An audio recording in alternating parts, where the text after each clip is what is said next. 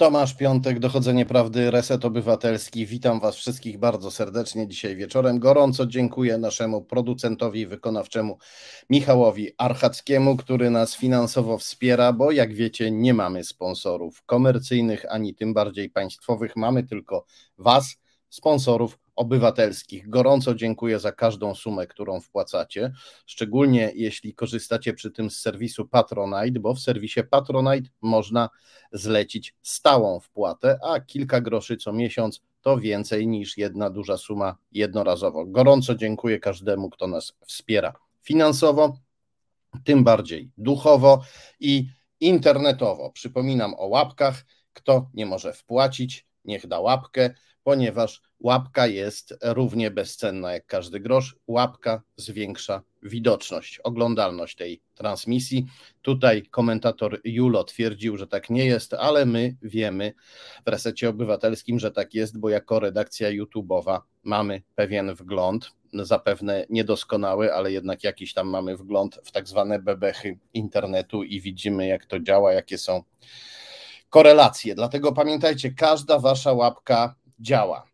Proszę Was bardzo serdecznie o łapki, nie tylko dla programu, nie tylko dla naszej dzielnej realizatorki Izy, ale także dla naszego gościa, który za chwilę się tutaj pojawi, ponieważ jak wiecie, naszym e, głównym bohaterem dzisiejszego wieczoru jest Michał Rachoń, człowiek e, bezczelny, podobnie jak no, większość pisowców to są ludzie niezwykle bezczelni. To są ludzie, którzy twierdzą, że walczą e, z Rosją i chociaż w tym momencie właśnie wbijają nóż w plecy Ukrainie, odwracając się od niej, odmawiając jej e, pomocy. E, robią to po tym, jak rozkręcili aferę zbożową, sami ją rozkręcili w celu nie tylko grabieżczo-biznesowym, ale także politycznym. O tym sobie też dzisiaj powiemy ale najpierw zajmiemy się ludźmi jeszcze bardziej bezczelnymi niż pisowcy, ludźmi, którym poświęcona jest ta e, książka, Partia Rosyjska, mm, książka autorstwa doktora Przemysława Witkowskiego. Książka już jest dostępna na stronie internetowej wydawnictwa Arbitror. Gorąco zachęcam do przeczytania, bo jak wiecie, my tutaj w resecie obywatelskim, w dochodzeniu prawdy przeważnie zajmujemy się nie zawsze, ale częściej zajmujemy się tak zwanymi tajniakami, ludźmi, którzy e, wspierają Rosję e, lub Chiny, albo Rosję i Chiny i Białoruś wspierają tajnie albo nieotwarcie, w sposób nie do końca zadeklarowany, w sposób ukryty. Niektórzy z nich prawdopodobnie nawet przed samymi sobą się do tego nie przyznają, inni przyznają się tylko przed sobą i przed swoim oficerem prowadzącym, względnie sponsorem, bo większość agentów w naszych czasach ma raczej sponsorów niż, e, niż oficerów prowadzących. Są w ten sposób e, sterowani. Ale doktor Przemysław Witkowski napisał książkę o ludziach, którzy przez ostatnie lata, nawet dziesięciolecia, zupełnie otwarcie służyli naszym wrogom i mogli to robić w Polsce bez większych e, przeszkód. I mówimy tutaj o Polakach w ogromnej większości wypadków o ludziach, którzy są Polakami, uważają się za Polaków i uważają, albo przynajmniej głoszą, niektórzy z nich być może w to wierzą, inni są po prostu cyniczni, że e, dobry Polak to służy Rosji. Zapraszam do studia naszego e, gościa, specjalistę od tych agentów e, niezwykłych, dr Przemysław Witkowski, autor tej książki Partia e, Rosyjska. Przemku, no bo znamy się, mówimy sobie po imieniu, nie będę udawał, że jest inaczej. Przemku, powiedz nam, e, jak to jest, że ci ludzie tak długo mogli e, i mogą nadal w Polsce PiS bez większych problemów, w większości przypadków, mogą działać i to działać jawnie, bezczelnie nawet. Ja bym powiedział, że w Polsce nie ma żadnego e, kordonu sanitarnego między partiami, powiedzmy, takiej głównonurtowej prawicy, a prawicy na przykład skrajnej. Dotyczy to e, i idei, które przenikają z tej skrajnej prawicy do e, prawicy, zatruwając nasz dyskurs, i też ludzi, czego naj, najlepszym przykładem właśnie jest e, bohater twojej chyba w ostatnich latach najgłośniejszej książki e, o Macierewiczu, e, który przecież latami błąkał się po jakichś takich ultraprawicowych opłotkach, w jakichś tajemniczych partiach, o różnych takich bardzo rozbudowanych nazwach, ostatnio był chyba Ruch Katolicko-Narodowy. To też była partia z grona tych właśnie małych grupowań, którymi ja się zajmowałem i zajmuję. Więc w tym sensie ci ludzie jednocześnie przepływają do głównego nurtu i tam czynią sobie jakieś takie przyczółki. Z drugiej strony mm, bardzo intensywnie grają na takim tonie, że są ultrapatriotyczni. E, jakby uważają, że najwyraźniej w interesie Polski jest porzucenie całego Zachodu, Unii Europejskiej, NATO, e, w kierunku w postaci no, jednoczenia się kontynentu na zachód jednak, a nie na wschód e, i uważają, że Polska świetnie by się odnalazła w ponownie w rodzaju bloku wschodniego. Więc w tym sensie mówią o sobie ultrapatrioci. Często mają bardzo różnych znajomych, współpracowników, byłych kolegów partyjnych w partiach głównego nurtu. No przede wszystkim e, to będzie Prawo i Sprawiedliwość, które właściwie zastało wszystkie te mniejsze e, podmioty e, prawicowe, tak to nazwijmy, nieskrajnie prawicowe ale prawicowe. No i w efekcie trudno, no na przykład podam taki przykład bardzo ewidentny i to taki już powiedziałbym bardzo jednak skandaliczny. Mamy taką postać jak Rafał Mossakowski, który już od 80. działa w grupach nacjonalistycznych, czy tam nawet neofaszystowskich, tak to nazwijmy, to Narodowe Odzory Polski. E, wydawał różne... E, ja, ja tutaj powiem, bo e, przerwę, bo wielu słuchaczy może nie wiedzieć, wielu wie, ale wielu może nie wiedzieć, że Narodowe Odrodzenie Polski produkowało na przykład takie teksty, powiedzmy sobie, filozoficzno-polityczne, w których E, których autorzy zastanawiali się, czy e, Żydzi są ludźmi, i potem dochodzili do wniosku, że Żydzi z biologicznego punktu widzenia być może są ludźmi, ale jednak e, rabini i inni żydowscy myśliciele wyglądają jak jakieś potworne poczwary wykute ze skały, więc chyba jednak nie do końca są ludźmi. No tam było po prostu regularne negowanie Holokaustu, drukowanie różnych takich powiedzmy powiedziałbym, różnych faszyzmów w Europie. No ale pan Mosakowski w końcu odnalazł się jako prezenter kanału Centrum Edukacji Polska, e, no i tam sobie zaprasza bardzo różnych prawicowych i ultraprawicowych polityków. E, no i na przykład zaprasza e, tam, no tego, że przez lata był pracownikiem pana Grzegorza Brauna, zaprasza sobie na przykład pana Jana Żaryna. To jest były senator PiSu, ważny polityk od polityki historycznej PiSu. E, polityk do tego jeszcze teraz będący mm, dyrektorem, szefem Instytutu Dziedzictwa Myśli Narodowej, takiej nacjonalistycznej przybudówki pisowskiej e, w dziedzinie myśli politycznej, ale i co jeszcze bardzo ważne, ojciec Stanisława Żaryna, e, czyli rzecznika ministra koordynatora do spraw służb specjalnych. Jeżeli w pewnym momencie pan e, Mosakowski, e, kiedy jeszcze te śledztwa były ciągnięte z poprzednich władz, znalazł się pod lupą Agencji Bezpieczeństwa Wewnętrznego e, jako osoba oskarżona o ogłoszenie ustroju o charakterze faszystowskim. Tam funkcjonariusze weszli, no ale jakby po krótkim czasie sprawa zgasła, nie jest kontynuowana, najpewniej wylądowała w aktach i biorąc pod uwagę ile czasu, który upłynęło od tego czasu, uległa już przedawnieniu. Więc e, pan Mostakowski organizuje to takie słynne miesięcznice wołyńskie w tym momencie, że jakby bardzo wielu takich e, pseudokresowiaków e, protestuje tam bardzo intensywnie przeciwko wspieraniu Ukrainy i bardzo próbuje nagłaśniać kwestię Wołynia, nie mając realnie chyba w większości nic wspólnego osobiście z tą sprawą, a tam dużo jest też organizacji mikro, które są powiązane z Rosją, to też jakby konflikt między Polską a Ukrainą jest istotny. Pan Mostakowski przez lata był e, na przykład no właśnie takim bardzo bliskim spisownikiem pana Grzegorza Brauna, pana Grzegorza Brauna i jego um, antyukraińskości, e, prochińskości, e, antyzachodności, antyliberalizmowi, no i też takich tajemniczych spotkań z panem Swierdowem w Moskwie, czyli takim dziennikarzem wydalonym za, nie, półoficjalnie za szpiegostwo z Polski też było głośno i też dzięki Tomku e, Twoim tekstom. Więc na przykład to jest taki koronny przykład. Liczne powiązania personalne, liczne powiązania biznesowe, brak jakiegokolwiek kordonu między tymi takimi skrajnymi najbardziej e, ideami e, prawicowymi, a centroprawicowymi czy prawicowymi.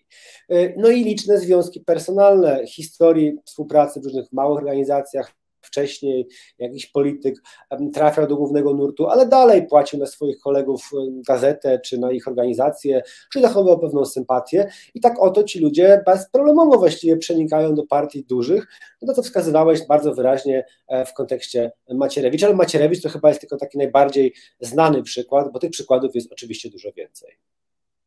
No, Macierewicz był właśnie miał e, sponsora i, e, i towarzysza partyjnego milionera Luśnie. Kiedy się okazało, że milioner Luśnia był e, konfidentem SB, to Macierewicz udał, że z nim zrywa, ale nadal trzymał go we władzach swojej partii i się z nim kontaktował.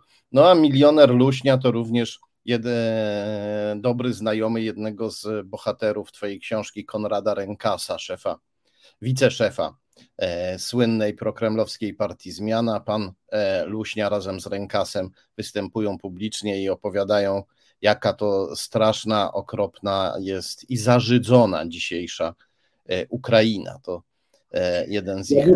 Jeszcze jedno. Ja też pytałeś, jak to jest, że ci ludzie wnikają do głównego nurtu. Ja podam taki przykład, który jest y, no, oczywisty, ale mało kto go zauważa.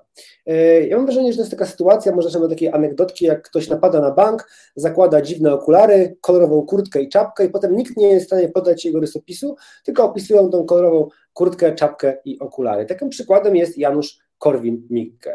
Ja, e, Janusza Korwin-Mikke wszyscy kojarzą z jakichś tekstów o e, lekkiej pedofilii, o tym, że Hitler nie wiedział o Holokauście, że kobiety są głupsze, że osoby z niepełnosprawnością powinny czegoś nie robić albo coś robić. No generalnie jakieś ośmiorga dzieci, 40 lat młodszej żony i wszystkich tych bardzo mało ważnych elementów jego myśli politycznej. Ja zadałem sobie trud przeczytać jednak jego myśl polityczną dotyczącą geopolityki od lat 80. I Janusz Korwin-Mikke od lat 80 rok w rok, bez żadnych wyraźnych zmian, cały czas pisze o tym, że Rosja tak, nakierować się na wschód, tak. Potem dalej, im bardziej Putin zyskiwał władzę autorytarną, tym bardziej mówił, że Putin wspaniały, bo mówił, że Putin byłby świetnym prezydentem Polski. Dlaczego właściwie on nie jest polskim prezydentem? Więc ja mam wrażenie, że przy Januszu Korwin-Mikke zachodzi taka sytuacja jak z tym napadem na bank. Widzimy te wszystkie e, tam lekkie pedofilie, zawsze trochę gwałci, jakieś takie głupawo-wulgarne teksty o dowolnym temacie, ale nikt nie zagląda do jego tekstów, w których opisuje geopolitykę. I ten człowiek, no jego, jego ostatnia jest... ofensywa na Twitterze w obronie jego eminencji Włodzimierza Putina nie jest niczym dziwnym, jest kontynuacją 45-letniego trendu. To jest świetne porównanie z tymi. Właśnie, ktoś nakłada sobie dziwne okulary, dziwną czapkę i tylko to widzimy.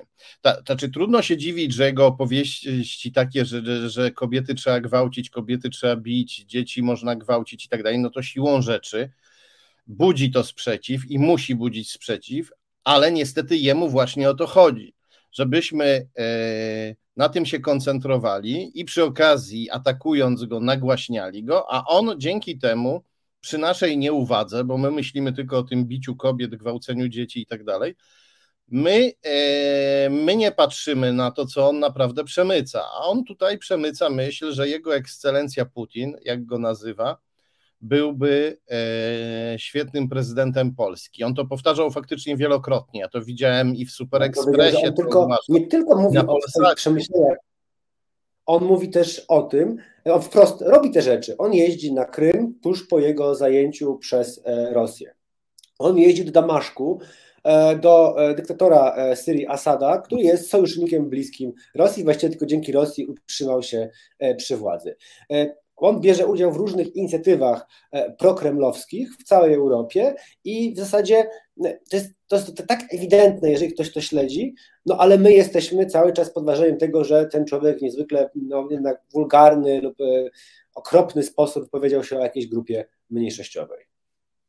Tak, tak. I o tym, że on nam opowiada tak naprawdę o swoich tendencjach seksualnych, o tym, że właśnie lubi tam stosować przemoc wobec kobiet i tak dalej. I i, i, no, no i to jest bardzo dobrze przemyślana gra, bo trudno na te prowokacje nie reagować, trudno je, trudno je pomijać, a, e, ale niestety w ten sposób to, co najważniejsze, przechodzi niezauważone i niestety często to dotyczy nie tylko Janusza e, Korwin-Mikke.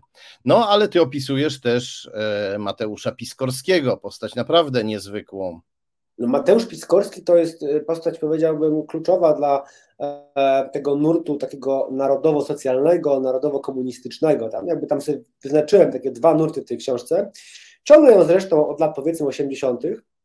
E, jeden taki powiedziałbym e, nacjonalistyczno-ultrakatolicki e, i tutaj takim reprezentantem byłby właśnie Grzegorz Braun i tutaj może o nim za chwilę później, a drugi taki powiedzmy taki lewica patriotyczna, jak to się ładnie nazywało w Polsce Ludowej, czyli ja bym powiedział, że to są ludzie, którzy swój korzeń biorą w myśli takich ludzi jak na przykład Mieczysław Moczar. Czy... Tak, to tutaj też młodszym słuchaczom przypomnę, E, szef, e, najwyższy szef bezpieki w latach 60., minister spraw wewnętrznych e, za czasów PRL. Taka, organizator antysemickiej w latach 60., 60 tak. roku. Człowiek, który próbował tak, na tej no, nagonce antysemickiej zdobyć władzę w Polsce. Tak, Nie no udało no i... się ale poruszał właśnie elementy nacjonalistyczne, takie patriotyczne, wojenne, takie, że tam marksizm marksizmem, ale tak naprawdę my Polacy to kończy powiedzmy tych Niemców, Żydów, Ukraińców, my jesteśmy, to taka, taki nacjonalistyczny, patetyczny rys w partii. Tak, tu dodajmy, że Mieczysław Moczar od 1939 roku był agentem GRU, czyli Wojskowego Wywiadu Kremla. To tak dla dopełnienia charakterystyki postaci. I naprawdę nazywał się Mikołaj Diomko. No tak, to prawda. E, jego wziąłem taką symboliczną jakby postać dla takiego nurtu, który potem się realizował też w innych aspektach, no na przykład zjednoczenie patetyczne Grunwald w latach 80., czy samoobrona w latach 90. Tam też trafiało dużo takich właśnie dawnych uczestników, czy to nagonki antysemickiej roku 68, czy właśnie tego zjednoczenia patriotycznego Grunwald, trochę byłych oficerów e, SB, trochę byłych milicjantów, a bardzo dużo tajnych pracowników służby bezpieczeństwa. No i pan. No i tam właśnie Mateusz Piskorski się e, objawił. Tak, Mateusz Piskorski objawił się w ogóle początkowo w środowisku takim, powiedziałbym, e, neofaszystowskim w Szczecinie, ale w pewnym momencie zapał takiego bakcyla e, neopogańskiego. Z tego bakcyla neopogańskiego e, znalazł zainteresowanie dla panslawizmu i dla prawda, tej wersji rosyjskiej tego. Zaczął tam jeździć E, od lat zerowych, no i w pewnym momencie e, podłapał różne bardzo interesujące kontakty. Na przykład zaczął organizować coś, co się nazywa obserwacje wyborcze. No i to się najczęściej odbywało w tych wszystkich krajach, które e, no, na przykład Rosja uznaje, a reszta świata nie, na przykład Abchazja, Osetia Południowa, Naddniestrze, no ale też w takich krajach, które są sojusznicze wobec, wobec Rosji, na przykład nie wiem, Białoruś.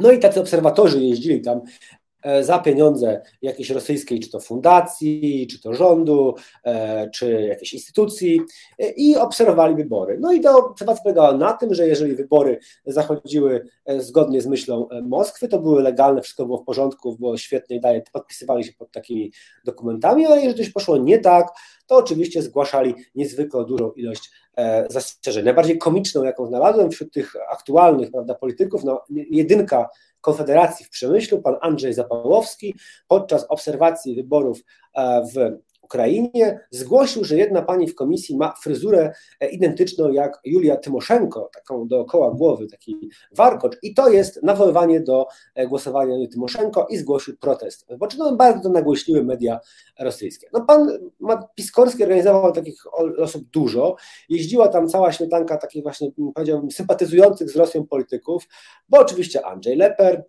oczywiście Leszek Miller, e, też bardzo wielu mniej znanych, ale też ci znanych Tomku, jak na przykład pan e, Chrusz, e, aktualnie członek PiSu, e, pan Zapałowski, czy ta jedynka Konfederacji i bardzo, bardzo wiele innych osób, nie tylko zresztą z Polski, bo jeździli też Belgowie, właśnie Flamandowie, Niemcy, Austriacy, Grecy, właściwie wszędzie tam, gdzie Rosja miała jakieś sympatyzujące ze sobą partie, pan Piskorski brał takich polityków i oni właśnie takie, takie latające cyrki jeździli po tej Rosji. No, najpierw miał kolegę Rosjanina, który był jego partnerem, no ale tak dobrze mu szło, że aż odbił koledze Rosjaninowi żonę oraz cały biznes i już sam z tą nową żoną ten biznes ogarniał. Czyli brał tych ludzi i ich zabierał. Oprócz tego oczywiście brał udział w różnego, no tak, w różnego rodzaju konferencjach, czy to w Iranie, czy spotkaniach w Syrii, czy wyjazdach, nie wiem, do różnych części Rosji. Gdzie brał udział w takich propagandowych dla Rosji, no bardzo prorosyjskich oczywiście eventach, gdzie wychwalano miejscową władzę, krytykowano Zachód, podważano sens na przykład, nie wiem, działu Polski w NATO, albo instalacji tarczy antyrakietowej w Polsce i tak dalej, i tak dalej, i tak dalej. Ten biznes się tak całkiem solidnie rozwinął, że pan e, Piskorski, no, mm, a oprócz tego, że na przykład był posłem samobrony, to w końcu zamarzył sobie o tym, że będzie miał własną partię. Ta partia składała się z bardzo takiej różnej mieszaniny, powiedziałbym, części takich neofaszystów, na przykład z falangi, części byłych socjalistów z różnych takich mikropartii, części, e, i to wszystko razem zmieszało wraz z ludźmi samoobrony e, miało wytworzyć nową partię zmiana. No, partia zmiana długo nie podziałała, nawet nie udało się jej zarejestrować, e, gdyż po jakichś kilku miesiącach istnienia medialnego ABW pana Piskorskiego zwinęło spod szkoły, gdzie oprowadzał dzieci i następnie spędził dwa lata z hakiem w areszcie. I aktualnie jest oskarżony przez prokuraturę o szpiegostwo na rzecz Federacji Rosyjskiej i e, Chińskiej Republiki Ludowej. Pan Piskorski oczywiście wszystkiemu zaprzecza, ale w książce Partia Rosyjska możecie sobie przejść całą tą historię niezwykle e, dobrze udokumentowaną, w której no jakby, biorąc pod uwagę, że w całej książce jest ponad 2200 przypisów, no naprawdę bardzo starałem się, żeby nikt nie mógł tutaj jakiejś nie wiem, zapałki włożyć między moją argumentację, żeby to po prostu same fakty Państwu mówiły, jak ta sytuacja wygląda. Więc tam będziemy mieli całą historię pana na przykład Piskorskiego, od czasów, kiedy był e, neofaszystowskim skinheadem, do czasów, aż e, jest teraz jednym z głównych pacyfistów e, i promotorów myśli Dugina tak. w Polsce. Oprócz tego oczywiście no, mamy też inne, nieco bardziej znane osoby. No, no właśnie, tak. zostało nam jeszcze kilka minut, więc chciałem, żebyś na koniec powiedział parę słów o Grzegorzu Braunie. No, Grzegorz Brown to jest e, przypadek e, już niezwykły. Mam wrażenie, że ten człowiek, e, kiedy tylko zobaczę w internecie jakąś teorię spiskową, natychmiast dołącza do swojej agendy, ponieważ widziałem go już na brającego udział w protestach przeciwko telefonii 5G, przeciwko oczywiście szczepionkom, przeciwko wszelkim obostrzeniom antyszczepionkowym, teraz walczy z Ukrainą. Oprócz tego uważa, że Matka Boska miała bezpośredni wpływ na historię Polski, e, objawiając się dzieciom w Audio w armii. E, uważa też, że w Polsce znajduje się podziemna baza, e, w której Żydzi kontrolują jakby polskie terytorium.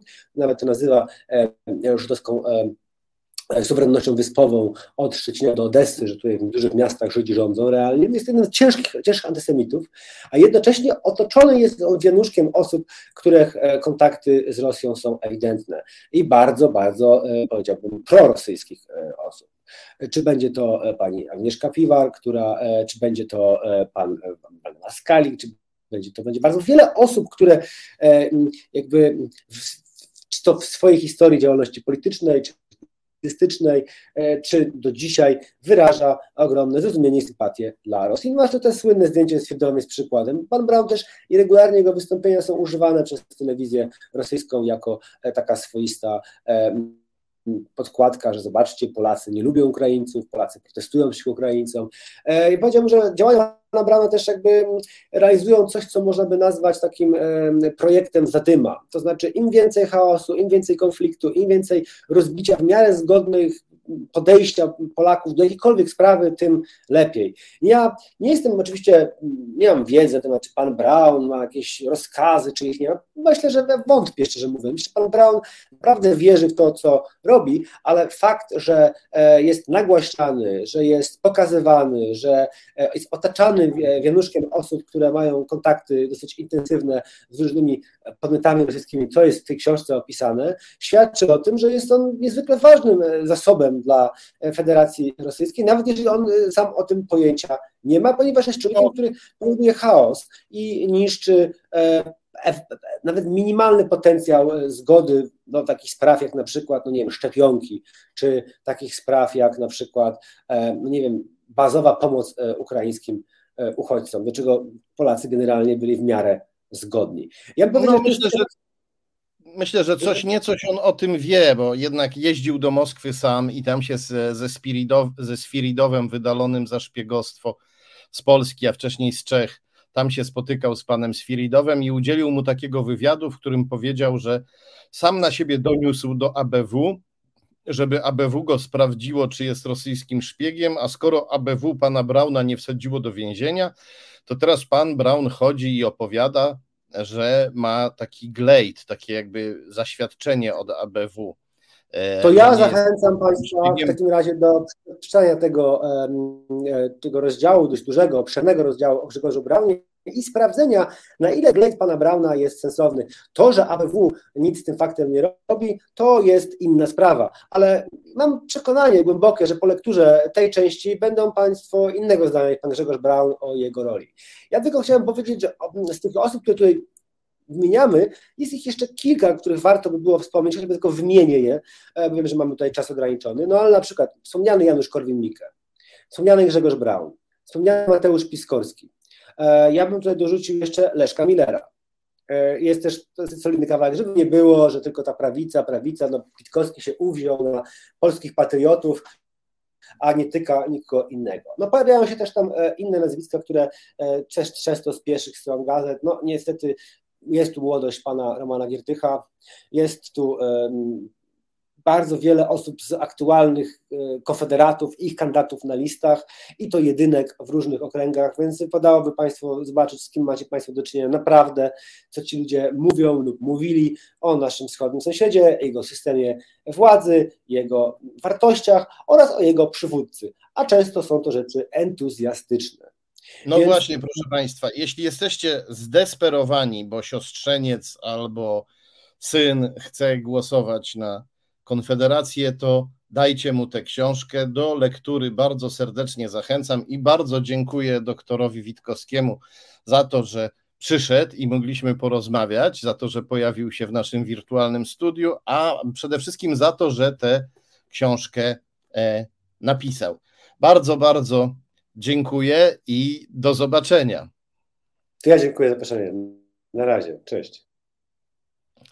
A my przechodzimy do następnych tematów i zanim jeszcze przejdziemy do Michała Rachonia, to powiemy parę słów o tym, co najważniejsze w polskiej polityce, czyli o e, jawnym zerwaniu z Ukrainą. Jak wiemy, PiS nigdy nie był Ukrainy przyjacielem, liczył na to, że Ukraina szybko upadnie, e, gdy rozpocznie się inwazja Rosji.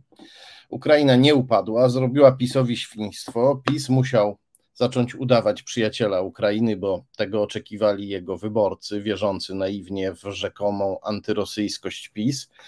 PiS musiał się sprzymierzyć na chwilę z Amerykanami, bo tego też oczekiwali jego wyborcy, co okazało się kłopotliwe dla e, obu stron i dla PiSu, i dla e, Amerykanów.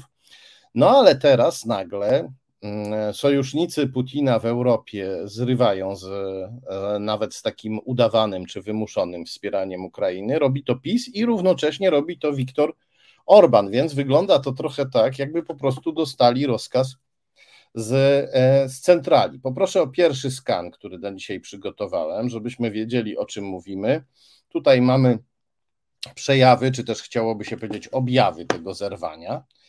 Widzimy e, E, jak e, nasz, no nasz jak nasz prezydent Polski, wybrany w nieuczciwych wyborach zresztą, e, Andrzej Duda, mówi, że Ukraina jest jak tonący człowiek i że jeśli my się będziemy trzymać Ukrainy, to możemy utonąć. Wtóruje mu Morawiecki, który mówi, że Polska już nie przekazuje uzbrojenia na Ukrainę. Poproszę o kolejny skan. I temu otwarcie klaszcze Kreml w osobie Marii Zacharowej, rzeczniczki rosyjskiego Ministerstwa Spraw e, Zagranicznych. Pani Zacharowa zgadza, e, zachwyca się tym, jak to nagle się zgadza całkowicie z Andrzejem Dudą.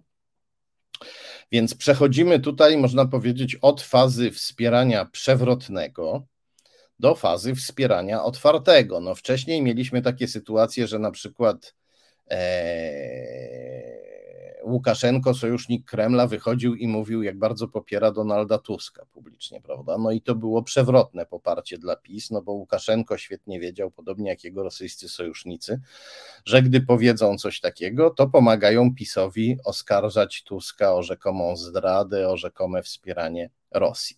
No ale teraz najwyraźniej czas takich e, forteli, przewrotnych chwytów mija i zaczyna się otwarte otwarte wspieranie, otwarte wspieranie PiS. Poproszę o kolejny skan.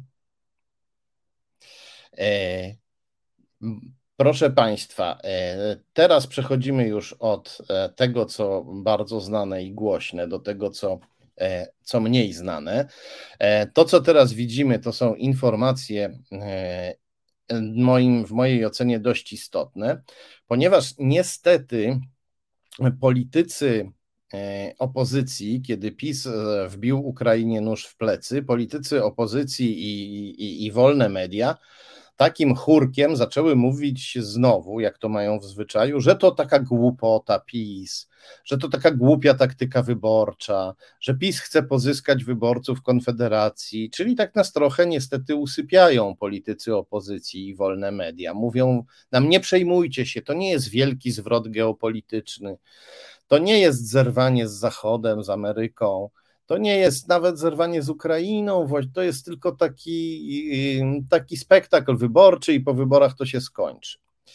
E, ja nie wiem, skąd oni e, mają, e, skąd oni czerpią optymizm i w ogóle jakiekolwiek podstawy do szerzenia takich właśnie optymistycznych teorii.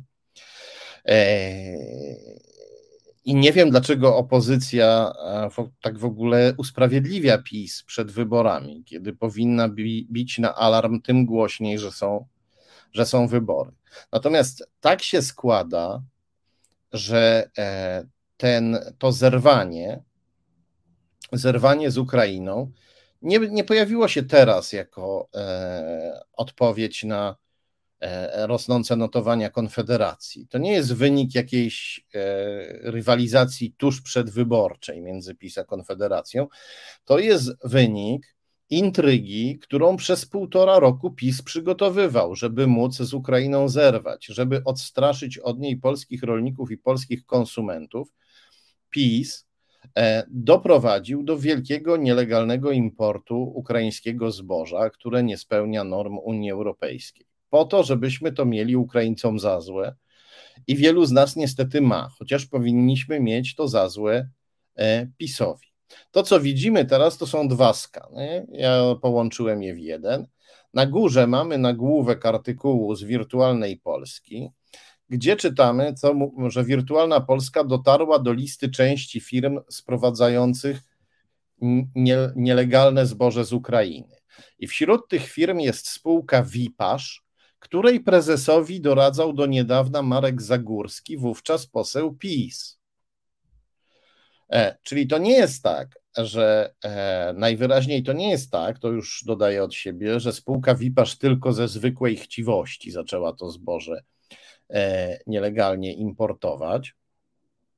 Tylko to jest tak, że ona to robiła pod okiem pisowskiego emisariusza Marka Zagórskiego, który doradzał prezesowi, więc mógł mieć wpływ na całą tę e, sytuację.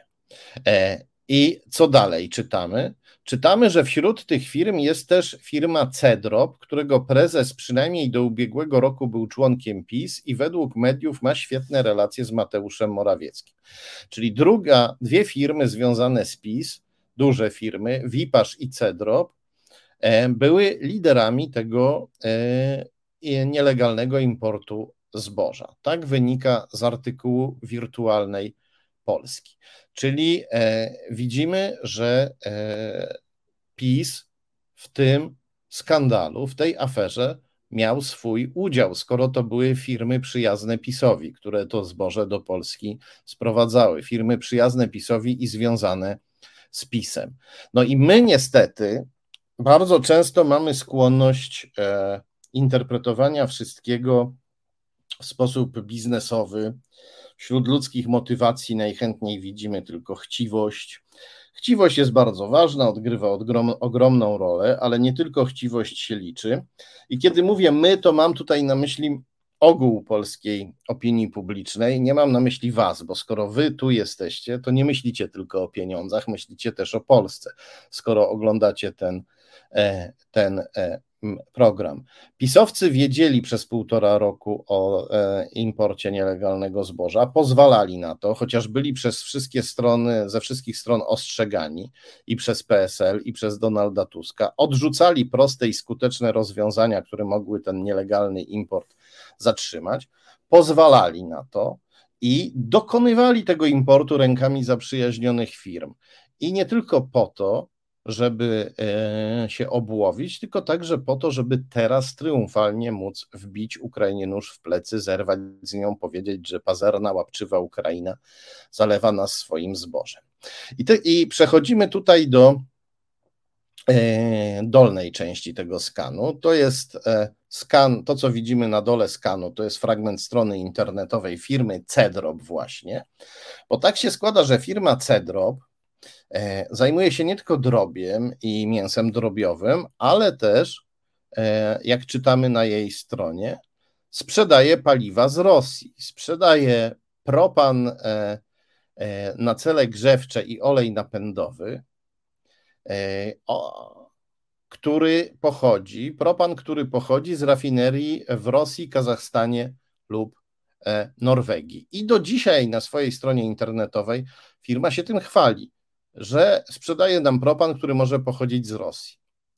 E, no, w każdym razie 10 dni temu, kiedy patrzyłem na stronę, to to właśnie na niej było e, napisane. Jak widać, firma Cedrop ma e, związki nie tylko z PiSem, ale też z Rosją. To kolejne ogniwo, które łączy PiS z Rosją. I dodam jeszcze, że czytelnicy tej książki, książki Morawiecki i jego tajemnice, wiedzą, że firma Cedrop sponsorowała też e, antyukraińską gazetkę Kornela Morawieckiego. Gazetkę, która w 2014 roku użalała się nad e, ludźmi prokremlowskiego prezydenta Wiktora Janukowycza, którzy chcieli Ukrainę znowu wciągnąć pod władzę Rosji. E, Kornel Morawiecki, jak zresztą wiemy, całkiem jawnie stał po stronie, po stronie Kremla, a pomagała mu w tym firma Cedrop, zamieszczając reklamy w jego gazetce i w ten sposób zasilając tę gazetkę finansowo, chociaż ta gazetka nie miała takiego czytelnictwa, żeby to usprawiedliwiało zamieszczanie tam reklam. Z punktu widzenia biznesowego było to nieopłacalne, więc można tu mówić tak naprawdę o czystym e, sponsorowaniu. E, to wiemy o firmie Cedrop, a co wiemy o Marku Zagórskim, który w firmie e, Wipasz e, e, przymykał oko na ten import zboża, który przymykał oko na to, że jego znajomi z firmy Wipasz importują zboże, albo może być może, być może nawet sam im to podszeptywał. On od 2016 roku w tej firmie już nie jest, tu dodajmy, ale dobrych znajomych tam ma on jest e, dla tej firmy jej łącznikiem z e, wielką e, polityką w Polsce, z polityką rządową. Jak widzimy, Marek Zagórski był wiceprezesem zarządu tej firmy, potem zasiadał w Radzie Nadzorczej aż do 2016 roku. Zobaczmy jeszcze sobie lepiej, kim jest Marek Zagórski. Poproszę o kolejny skan. Tu mamy fragment z Wikipedii. Ja te informacje, które są tutaj w Wikipedii potwierdziłem, no ale nie pokazuję Wam wszystkich źródeł, bo musiałbym za dużo skanów pokazać. Widzimy, że Marek Zagórski, związany z firmą Wipasz, która sprowadzała e, ziarno ukraińskie do Polski, pomagając PiSowi w ten sposób e, wbić nóż w plecy Ukrainie, doprowadzić do tej sytuacji, którą mamy teraz, w której PiS z Ukrainą zrywa. Widzimy, że Marek Zagórski no to nie jest tylko były poseł PiS. To jest, e, e, to jest cały czas poseł PiS, to jest cały czas poseł i to jest bardzo ważny polityk. On był sekretarzem stanu w Ministerstwie Rolnictwa w latach 2006-2007, a jak PiS wrócił do władzy, to był wiceministrem skarbu, potem wiceministrem cyfryzacji, a potem w latach 2018-2020 był ministrem cyfryzacji, a potem znowu jeszcze był sekretarzem stanu w kancelarii, w kancelarii premiera. No ale nas interesuje w tej chwili ten okres 2018-2020, kiedy był ministrem cyfryzacji Poproszę o kolejny skan. I tutaj widzimy, że właśnie w tym czasie e, minister cyfryzacji pan Zagórski promował lokalną polityczkę PiS Ewę Bartosiewicz, odwiedzał ją w Zabrodziu, gdzie ona działała. I w tym samym czasie, kiedy on był ministrem cyfryzacji, to widzimy po prawej stronie skanu, Ewa Bartosiewicz trafiła do Rady Nadzorczej spółki Mana Solid Invest. I dlaczego nas to interesuje? Poproszę o kolejny skan. Dlatego, że Ewa Bartosiewicz to żona Mateusza Piskorskiego, oskarżonego o szpiegostwo na rzecz Rosji. Tego samego, który polskich prawicowych i nie tylko prawicowych polityków zabierał na rosyjskie peryferie jako obserwatorów wyborczych. Tego samego, który szerzył propagandę Kremla i tworzył organizacje prokremlowskie. Ewa Bartosiewicz, tutaj ją widzimy na Facebooku, widzimy, że nadal utrzymuje znajomość z Mateuszem Piskorskim. Można powiedzieć, że się rozwiedli, ale nie zerwali ze sobą całkowicie. Ewa Bartosiewicz wspierała Piskorskiego podczas jego e, aresztowania, korzystała e, zresztą przy tym z pomocy Kornela Morawieckiego. I e, Ewa Bartosiewicz po prawej stronie czytamy, to, to co widzimy po prawej stronie to jest fragment artykułu tygodnika Polityka. Czytamy, że Ewa Bartosiewicz trafiła do spółki Mana Solid Invest, e, która to spółka e, należy do Państwowego Instytutu NASK, który między innymi chroni bezpieczeństwo polskiej cyberprzestrzeni. I e, jak już wiemy, ona trafiła do tej spółki Mana Solid Invest za czasów ministra Marka Zagórskiego. To on ją tam wpuścił. Wpuścił e, byłą żonę i e, obecną sojuszniczkę człowieka oskarżonego o szpiegostwo na rzecz Rosji do spółki, która się zajmuje między innymi bezpieczeństwem naszego internetu. I e, czytamy tutaj, że sprawą się zainteresowało ABW, Agencja Bezpieczeństwa Wewnętrznego. E, I bardzo słusznie, niestety niewiele z tego zainteresowania wyszło, bo nawet jeśli są nadal w Agencji Bezpieczeństwa Wewnętrznego jacyś uczciwi oficerowie, no to pod rządami e, prokremlowskiego PiS niewiele mogą zrobić i nie mogą e, rosyjskich agentów ścigać. No to teraz, e, jeśli chodzi o Marka Zagórskiego, to e, mamy taką, można powiedzieć, dość jasną sytuację. Z jednej strony wpuścił żonę i sojuszniczkę jawnego zwolennika Rosji, oskarżonego także o szpiegostwo na rzecz Rosji, do firmy zajmującej się cyberbezpieczeństwem e, naszego państwa, a z drugiej strony ma silne wieloletnie związki z firmą Wipasz, która sprowadzała ukraińskie ziarno do Polski e, w ramach wielkiej e, prowokacji antyukraińskiej inspirowanej przez PiS, prowokacji, która właśnie zaowocowała, znaczy może nie tyle zaowocowała, ale ułatwiła PiSowi zerwanie z Ukrainą i po to była zrobiona.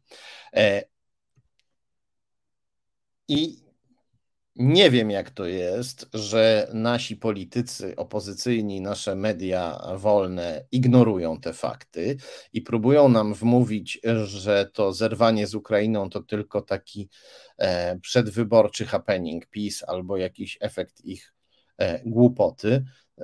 Na wszystko, wszystko, co robi PiS i co robią jego biznesowi sojusznicy, trzeba patrzeć krok po kroku, fakt po fakcie i widzieć, jakie prawidłowości w tych działaniach e, się przejawiają.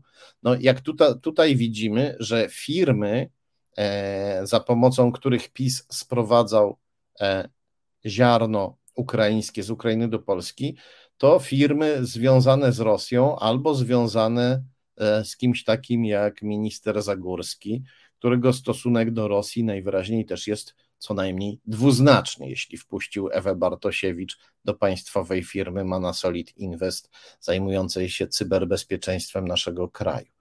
E, z tego można wnioskować, że najwyraźniej ta prowokacja, jaką było sprowadzanie ukraińskiego zboża, była e, robiona przez, e, była robiona w porozumieniu z ludźmi, którzy są jedną nogą w PiS, a drugą nogą w Rosji. Po to, żeby obie strony nad tą prowokacją korzystną dla obu stron, a bardzo niekorzystną dla Ukrainy, miały jakąś kontrolę. To pachnie wspólną akcją pisowsko-rosyjską. Oczywiście żelaznych dowodów na to w tej chwili nie mamy, mogłyby je przedstawić tylko służby, no ale media i politycy opozycji powinni takie rzeczy e, wyłapywać. No to jest jakiś elementarz, prawda? E, e, to powinien być ich elementarz, szczególnie teraz, kiedy jesteśmy w sytuacji wojny hybrydowej z Rosją i mamy rząd, który agresywnie atakuje naszych zachodnich sojuszników i czyni nas w obliczu Rosji coraz słabszy. No dobrze. A teraz przejdźmy do głównego bohatera naszego dzisiejszego wieczoru, do człowieka, który stawia rzeczywistość na głowie i wmawia nam, jakoby PiS był wrogiem Rosji i sam się próbuje stawiać w roli wroga Rosji. Mówimy tutaj oczywiście o Michale Rachoniu, pisowskim propagandziście, słynnym z tego, że kiedyś wystąpił w 2009 roku w Sopocie przebrany za wielki różowy penis z napisem Putin, aczkolwiek dodajmy od razu, że to nie był jego pomysł.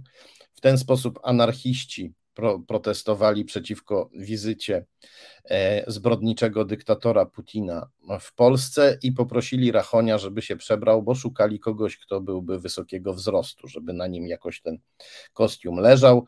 Rachoń ma dwa metry wzrostu, jest byłym koszykarzem, a i tak musiał jeszcze anarchistkę wziąć na plecy, żeby ten e, ogromny różowy penis jakoś tam stał i dumnie się prężył i został za to ukarany przez PiS, któremu się ten happening wcale nie spodobał. Chociaż partia tak rzekomo jest antyrosyjska, to Rachoń musiał odpokutować, organizując pogadanki dla dzieci na temat trudnych i skomplikowanych stosunków polsko-rosyjskich. Był wtedy rzecznikiem PiS e, w Sopocie.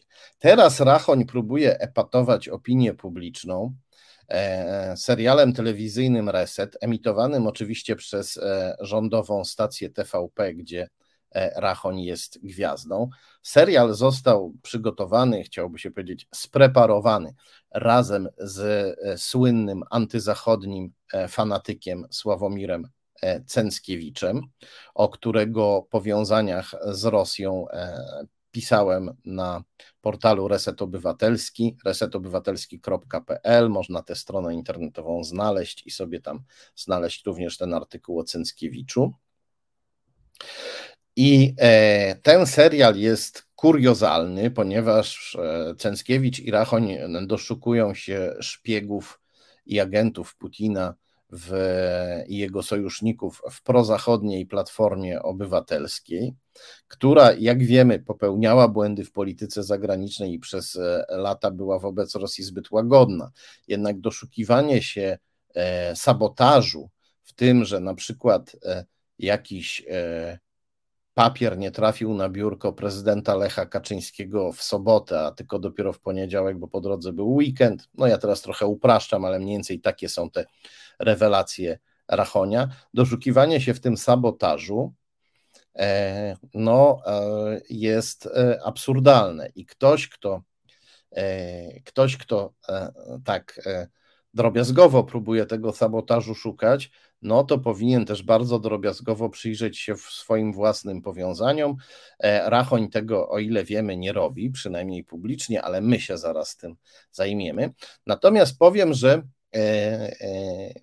nie zawsze oglądanie resetu to jest strata czasu, ponieważ E, czasem Rachoń z Cęckiewiczem zaplączą się we własnych kłamstwach i wtedy trochę prawdy się również w tym serialu TVP pojawia. Poproszę o kolejny skan. To jest fragment e, innego artykułu portalu Reset Obywatelski, artykułu właśnie o Rachoniu, e, który napisałem i tam opisuję taki ciekawy moment, w serialu Reset, kiedy to byłej ministrze spraw zagranicznych, ministrze pisowskiej, Annie Fotydze wymyka, wymyka się słówko prawdy. Bo Fotyga w jednym z odcinków Resetu opisuje swoją podróż do Brukseli w 2006 roku. Jechała tam jako pisowska ministra spraw zagranicznych, miała zablokować zawarcie umowy o partnerskiej współpracy między Unią Europejską a Rosją. Gdy jednak dotarła do Brukseli, dostała nagle rządową instrukcję z Warszawy, żeby nie blokować tej e, umowy, umowy o współpracy Unii Europejskiej z Rosją. No i kto wysłał Annie Fotydze taką prorosyjską instrukcję z Warszawy? Kto mógł jej wysłać taką instrukcję? No, była ministra rzekomo nie wie. Tak przynajmniej to przedstawia w serialu Rachonia, że ona nie wie. Ehe, skąd taka instrukcja? No tu raczej należy spytać, skąd taka niewiedza. No zapewne stąd, że szefem rządu dającym instrukcję Fotydze był premier Jarosław Kaczyński. Ona była ministrą, on był premierem. Tylko jego mogła słuchać, tylko on jej mógł wysyłać polecenia. Jeśli dostała takie polecenie, żeby nie blokować biznesów Unii Europejskiej z Rosją, no to musiała je dostać od Jarosława Kaczyńskiego. No, naj, najwyraźniej jako ministra no nie mogła przyjąć takiego polecenia od nikogo, od nikogo innego. No ale tego już pani Fotyga zapewne powiedzieć nie może z oczywistych względów, nie może się narazić swojemu wodzowi Jarosławowi Kaczyńskiemu. Wracamy teraz do samego Rachonia. Rachoń, proszę Państwa, to nie tylko propagandista, to również biznesmen. E, poproszę o kolejny skan to jest e, skan z, z e, ksiąg wieczystych, to co widzimy teraz, czyli tutaj się chyba troszeczkę pośpieszyliśmy. To jest skan numer 11, który widzimy, a ja poproszę o skan numer 10. Nie wiem, czy mnie słyszy nasza realizatorka Iza. O, nie, nie, nie, nie, nie. E, e, nałożyły ci się teraz ISO 2 skany. Przepraszam, tutaj mamy odrobinę bałaganu. O, teraz mamy wreszcie skan numer 10. Udało się. To jest ten skan, do którego chciałem przejść. To jest skan z serwisu CIDG, Centralna Ewidencja Informacji o Działalności Gospodarczej. Czytamy tutaj, że Rachoń ma firmę o nazwie Newsroom i że ta firma e, mieści się w Czarnowie przy ulicy Długiej w gminie Dąbrówka w powiecie wołomińskim. Ja tu podaję adres, ponieważ to jest informacja publiczna, skoro chodzi o działalność gospodarczą i każdy może ją sobie w internecie e, znaleźć, ponieważ centralna ewidencja i informacja o działalności gospodarczej jest jawna. No i do kogo e, należy e, ten adres, do kogo należy ta działka, ten budynek, w którym Rachoń sobie założył działalność gospodarczą. A według ksiąg wieczystych ta działka należy do Katarzyny Hejke, czyli obecnej żony Rachonia. W tej chwili ona się nazywa Katarzyna Gujska czyli, czyli wróciła do swojego nazwiska, e, które miała zanim była Katarzyną e, Hejke. E, skąd takie zamieszanie u pani Katarzyny Rachoń, która nie jest Katarzyną Rachoń, tylko Katarzyną Gujską, a wcześniej była Katarzyną Hejke? Poproszę o kolejny skan, żeby rozplątać tę kwestię trojga nazwisk. Nie trzeba daleko szukać, to jest opisane w Wikipedii. Znowu tutaj pokazuję Wam Wikipedię, nie pokazuję tekstów źródłowych, bo za dużo musiałbym pokazywać skanów. Czytamy tutaj, że Katarzyna Gujska, wcześniej po mężu Hejkę, urodzona w 1977 roku, to działaczka e, polityczna i publicystka. Była żoną filmowca i fotografika Krzysztofa Hejkego. E, mieszkali razem do 2008 roku. Potem Hejke złożył pozew rozwodowy, zarzucając żonie zdrady. Ona się do tych zdrad małżeńskich przyznała. E, a potem e, w media opublikowały list, który Hejke wysłał do prezydenta Kaczyńskiego, gdzie powiedział, że w tym liście powiedział, że jego żona Katarzyna Gujska-Hejke, obecna żona Rachonia, została uwiedziona przez prezesa IPN Janusza Kurtykę, który przekazywał jej tajne dokumenty z IPN, wykorzystywane do tworzenia artykułów prasowych, e, publikowanych w pisowskiej Gazecie Polskiej. Czyli ona, jakby to powiedzieć, w zamian za miłość i czułość miała od prezesa IPN dostawać materiały kompromitujące, uderzające we wrogów PiS. No, tu można sobie zadawać pytanie, kto tu kogo uwiódł, e, kto tutaj był inicjatorem tego e, dosyć niezwykłego związku, w którym dziennikarka była opłacana materiałami kompromitującymi. Niemniej, no, nie do końca zaszkodziło to Katarzynie Gujskiej w karierze. Została członkiem zarządu niezależnego wydawnictwa polskiego, prokurentem w firmie Słowo Niezależne, które wydaje Gazetę Polską i portal niezależna.pl. E, została też e, matką chrzestną dziecka e, Tomasza Sakiewicza, redaktora naczelnego Gazety Polskiej. I tutaj ktoś mógłby powiedzieć, że my się za bardzo w tym momencie w sprawy rodzinne naszych bohaterów wnikamy. No nie do końca, bo jak widać, tutaj e, rodzina, biznes i polityka splatają się w sposób no, trudny do tego, do, do rozdzielenia. E, to e, trochę tak, jakby zarzucać komuś, że ingeruje w życie rodzinne rodziny sycylijskiej, czy w sensie mafii. No, PiS jest mafią, i w związku z tym również e, życie rodzinne pisowców ma wymiar e, mafijny, polityczny i, i biznesowy. Poproszę o kolejny skan. To jest właśnie Rachoń i pani e, Gujska, Hejke Gujska, w momencie wychodzenia za pana Rachonia i stawania się na nowo panią Gujską w domyśle rachoniową. E, I poproszę o e, kolejny skan. To jest znowu skan łączony. To jest e, skan z serwisu CIDG, gdzie na górze czytamy, że pełnomocniczką Michała Rachonia jako przedsiębiorcy jest Edyta Chmiel, a na dole mamy dwa skany z serwisu rejestr IO, gdzie czytamy, że ta Edyta Chmiel, pełnomocniczka Rachonia, to koleżanka Katarzyny Gujskiej z Fundacji Niezależne Media. Zatem, jak widać, Rachoń nie tylko e, zarejestrował firmę na posesji żony, ale też wziął sobie koleżankę żony na pełnomocniczkę. E, dlatego, jak widać, no jest to małżeństwo nie tylko małżeńskie i nie tylko propagandowe, ale także e, biznesowe. I myślę, że już tutaj teraz to chyba nikt nie ma wątpliwości, no, że mamy prawo interesować się tym małżeństwem, a szczególnie jego polityczno-biznesowymi aspektami. Co jeszcze wiemy o pani Hejke Welgujskiej, żonie i sojuszniczce e, Michała Rachonia, żonie i sojuszniczce polityczno-biznesowej Michała Rachonia? Poproszę o kolejny skan. Tak się składa, że Katarzyna Hejke E, występuje też w Fundacji e, Veritas et e, Scientia. To jest fundacja związana z Tadeuszem z Rydzykiem, z ludźmi Tadeusza Rydzyka. I pani Hejke działa w strukturach tej fundacji od 2008 roku razem z niejakim Markiem Janem Chodakiewiczem. Kim jest E, Marek Chodakiewicz. Poproszę o kolejny skan. Marek Chodakiewicz to e, agresywny e, ultraprawicowiec i homofob.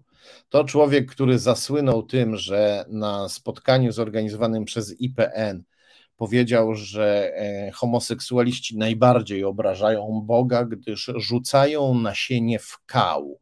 Rzucają nasienie w kał. No, Mm, e, ja czytałem Ewangelię i mam wrażenie, że Boga bardziej obrażają ludzie, którzy żygają nienawiścią na swojego bliźniego, tak jak to robi Marek Chodakiewicz. E, Marek Chodakiewicz zasłynął jeszcze innymi rzeczami. Poproszę o kolejny skan. Był wielokrotnie oskarżany o antysemityzm. I był też podejrzewany o współpracę z, anty, z, z prokremlowskim prezydentem USA Donaldem Trumpem ponieważ pan Chodakiewicz działa w USA bardzo intensywnie. Mówię podejrzewany, no ale TVP się właściwie chwaliło tym, że e, Chodakiewicz współpracuje z Trumpem, sojusznikiem Putina i Kaczyńskiego, z Trumpem, który chciał rozwiązać lub bardzo osłabić e, NATO. E, co jeszcze wiemy o Marku Chodakiewiczu, współpracowniku żony Rachonia? Poproszę o kolejny skan. Marek Chodakiewicz utrzymuje jawną znajomość na Facebooku z Konradem Rękasem, o którym mówiliśmy dzisiaj z doktorem Przemysławem Witkowskim. Konrad Rękas to wiceszef i współzałożyciel jawnie prokremlowskiej partii Zmiana, założonej przez oskarżonego o szpiegostwo na rzecz Rosji Mateusza Piskorskiego. Poproszę o kolejny skan. I tak się składa, że Konrad Rękas E, wzywał e, do mordowania Ukraińców. Wzywał publicznie e, i prokuratura się nim zajęła, ale umorzyła dochodzenie. Ręka zrobił to, dodajmy, w marcu 2022 roku, gdy Putin uderzył na Ukrainę i zaczął mordować Ukraińców. Rękas, kolega Chodakiewicza, współpracownika żony Rachonia, Rękas zaczął wzywać Polaków, żeby oni też zaczęli Ukraińców mordować. Prokuratorzy się tym zajęli, ale pan Ziobro i jego ludzie zrobili wszystko, żeby Rękasowi się krzywda nie stała. Prokurator, który chciał e, przesłuchać Rękasa, musiał e, zostawić tę sprawę, odebrano mu śledztwo. I e, Ziobro zadbał o to, żeby włos z głowy rękasowi nie spadł, żeby nawet nie musiał się fatygować do prokuratury i odpowiadać na niewygodne pytania. I tutaj mała dygresja. Gorąco polecam e, w Newsweeku artykuł Grzegorza Rzeczkowskiego, który opisuje, jak to na inne jeszcze sposoby Zbigniew Ziobro szedł na rękę Putinowi. No, ale my tutaj wracamy do E, naszego bohatera, do naszych bohaterów. E, w tej chwili zajmujemy się jeszcze przez moment e, Markiem Chodakiewiczem, współpracownikiem żony Rachonia. Poproszę o kolejny skan. Tutaj mamy znowu dwa skany złożone. Na górze czytamy, że Chodakiewicz jest szefem Mm, Centrum Studiów nad Międzymorzem w czymś, co się nazywa Institute of World Politics, e, czyli w takim think tanku, który pełni też rolę uczelni, w organizacji eksperckiej, która pełni też rolę uczelni, która działa w Stanach Zjednoczonych, a na dole mamy e, publikację z 96 roku, sprzed bardzo wielu lat, publikację e, tego właśnie think tanku, tej właśnie organizacji Institute of World Politics. E, I e, jest to publikacja Chodakiewicza. Widać tutaj, że pan Chodakiewicz nie tylko szefuje jednemu z oddziałów Institute of World Politics, ale także współpracuje z tą organizacją, z Institute of World Politics od 17 e, lat, jeśli dobrze liczę. Od bardzo, bardzo dawna. E, czy dobrze liczę? Nie, od 27 lat. Od bardzo, bardzo, e, od bardzo, bardzo dawna. E, jest z tą organizacją bardzo mocno związany. Poproszę o kolejny skan. A tutaj czytamy, to co widzimy to jest fragment książki Grzegorza Rzeczkowskiego, przed chwilą wspomnianego, książki Katastrofa posmoleńska, którą bardzo polecam.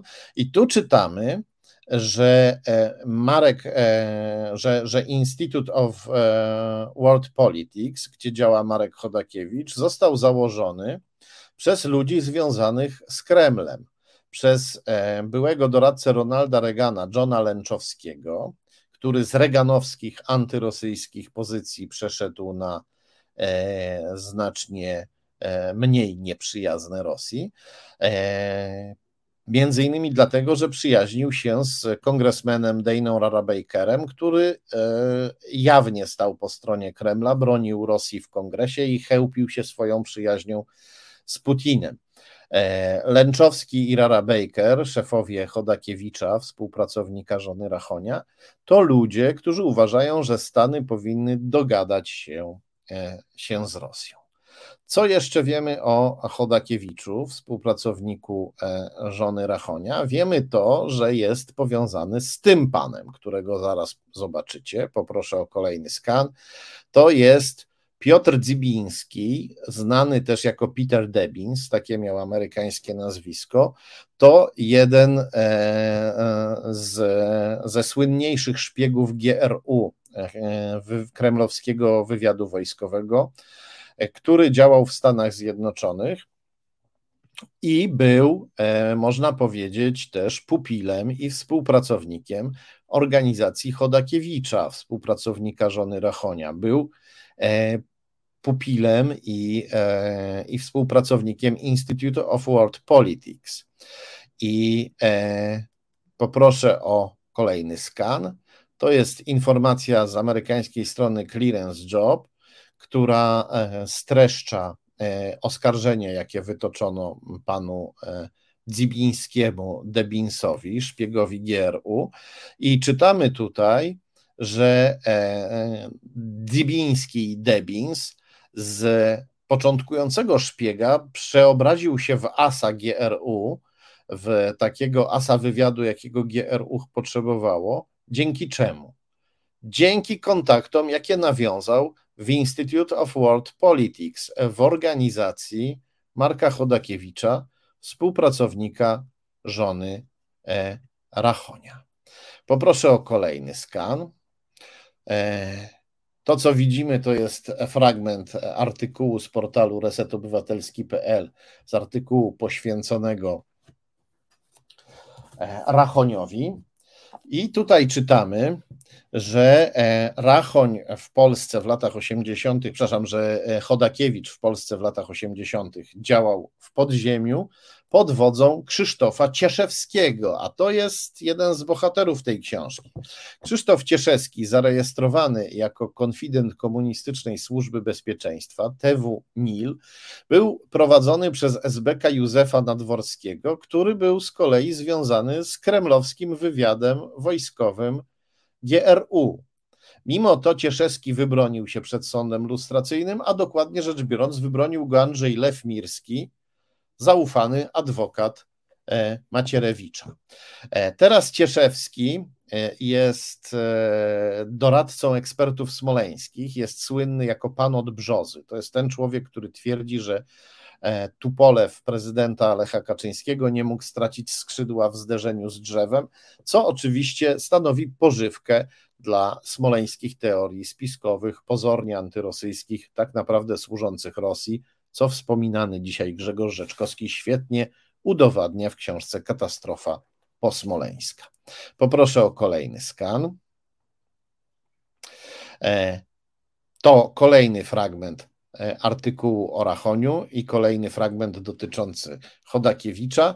Mowa jest tutaj o tym, że mimo działalności Chodakiewicza w latach 80. w podziemiu, SBC byli dla niego łagodni. W 82 roku w stanie wojennym, kiedy to bardzo niewiele osób wypuszczano z kraju, Chodakiewiczowi pozwolono wyjechać do Stanów, czyli do do Stanów Zjednoczonych, czyli do kraju, który był wtedy wrogiem numer jeden. I to nie na zasadzie wilczego biletu, że wyjeżdżaj i już nie wracaj, bo jesteś wygnany z Polski jako wróg komunizmu, tylko na normalnych e, e, zasadach. Dlaczego go wypuszczono? W książce Katastrofa posmoleńska Rzeczkowski podaje, że Chodakiewicz jechał do inżyniera Zygmunta Zakrzewskiego, a inżynier Zakrzewski pracował dla przemysłu zbrojeniowego USA współpracował z amerykańskim programem zbrojeń kosmicznych. Na pewno komunistyczny wywiad PRL był zainteresowany informacjami o Zakrzewskim i o jego pracy, podobnie jak e, kremlowskie e, GRU. I e, to tyle na dzisiaj przynajmniej o Marku Chodakiewiczu, współpracowniku żony Rachonia. O jego niezwykłej przeszłości i niezwykłej teraźniejszości. Wracamy znowu do samego Rachonia. Poproszę o kolejny skan. Bo tak się składa, że Rachoń w 2015 roku założył spółkę o nazwie Media Content Service Limited e, w Stanach Zjednoczonych. I z kim ją założył? Z szefem swojej e, żony, Tomaszem Sak Sakiewiczem.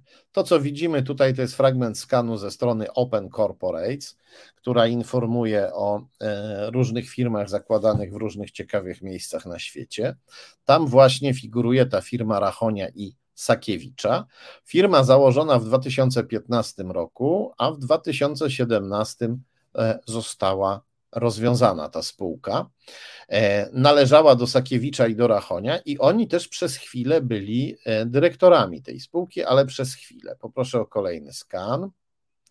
Tutaj właśnie to, co widzimy, to jest z kolei skan z brytyjskich rejestrów biznesowych ze strony dotyczącej tej spółki. Widzimy, że E, Rachoń i Sakiewicz byli w niej dyrektorami, nie tylko właścicielami, ale też dyrektorami.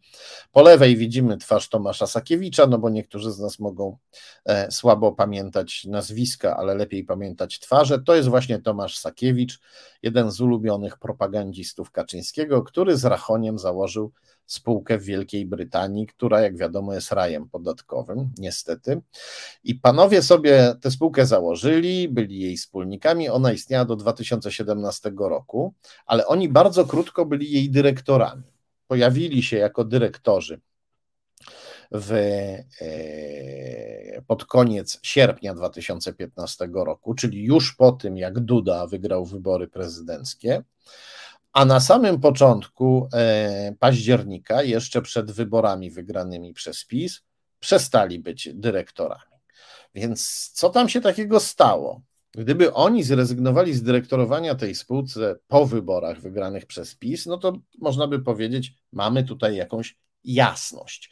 No, panowie szykowali sobie jakieś ciepłe gniazdko, może nie dla siebie, ale dla swoich pieniędzy, na wypadek, gdyby PiS przegrał, a tutaj PiS nie przegrał, tylko wygrał, no to się wycofali, przynajmniej jako dyrektorzy z tej firmy, przestali się nią zajmować, bo mieli ważniejsze sprawy w Polsce podbitej przez PiS, gdzie oni występowali właśnie jako e, ci podbijający konkwistadorzy propagandy. Mieli tutaj dużo do robienia. Ale oni się wycofali jeszcze przed wygranymi wyborami. Może bardzo mieli bardzo dobre wiadomości na ten temat, kto wybory wygra, tak, że byli stuprocentowo pewni. Może chodziło o coś innego innego. Może chodziło o jakąś e, operację finansową, którą trzeba było przeprowadzić, a potem jak najszybciej się z niej e, wycofać, żeby uniknąć odpowiedzialności. Być może chodziło o, o coś takiego, tego nie wiemy. E, no dobrze, a kto się później, za, kto, kto im pomagał w założeniu tej spółki i kto się później nią zajmował, kiedy oni się wycofali z ról kierowniczych? Poproszę o kolejny skan. Tu mamy dwa skany. Znowu z brytyjskiego rejestru biznesowego. E, to się w Wielkiej Brytanii nazywa Companies House, czyli dom firm. To jest taki rejestr jak nasz krajowy rejestr sądowy. I tutaj czytamy, że razem z Rachoniem, po lewej widzimy, razem z Rachoniem i z Sakiewiczem, którego nie widać, bo on tam jest na dole skanu, nie zmieścił się nam, ale e, we trójkę to zrobili. Razem z Rachoniem i z Sakiewiczem firmę zakładała pani Małgorzata Piotrowska. I e, ona później pozostała e, dyrektorką, kiedy Rachoń i Sakiewicz się wycofali. I gdzie jeszcze znajdujemy panią Piotrowską? No, panią Piotrowską jest dość trudno znaleźć, jest osobą dosyć tajemniczą, ale znajdujemy ją również w firmie Renaissance The Partners Limited, ciągle w Wielkiej Brytanii, e, razem z e, niejakim Sebastianem Piotrem Derwisińskim. E, razem z niejakim Sebastianem Piotrem Derwisińskim, który no, którego w pewnej mierze można w tej Wielkiej Brytanii odnaleźć. E, on działa w, e, między innymi w Londynie, dużo działa w Londynie, ale nie tylko. W przeciwieństwie do firmy do firmy Rachonia i Sakiewicza, która była w Northampton, czyli w innej brytyjskiej miejscowości.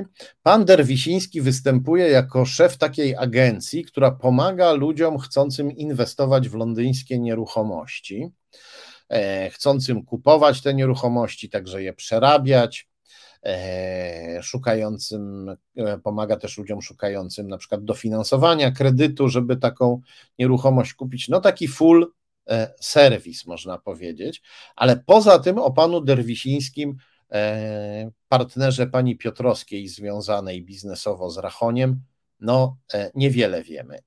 E, niewiele wiemy. To, czego się dowiadujemy, jest dość interesujące, ponieważ pan Derwisiński, poproszę o kolejny skan, w swojej działalności biznesowej nieraz korzystał z adresu E, londyńskiego Camp House przy e, City Road w Londynie numer 160. I e, to jest adres, jak łatwo się domyśleć, takiego wirtualnego biura, gdzie jest wiele firm. Takie wirtualne biura no, są w Anglii powszechne, w Polsce też. To są takie dziuple, gdzie ludzie niezamożni, a także niestety ludzie podejrzani mogą tworzyć firmy, firemki. Często są to firmy krzaki, które się pojawiają i znikają.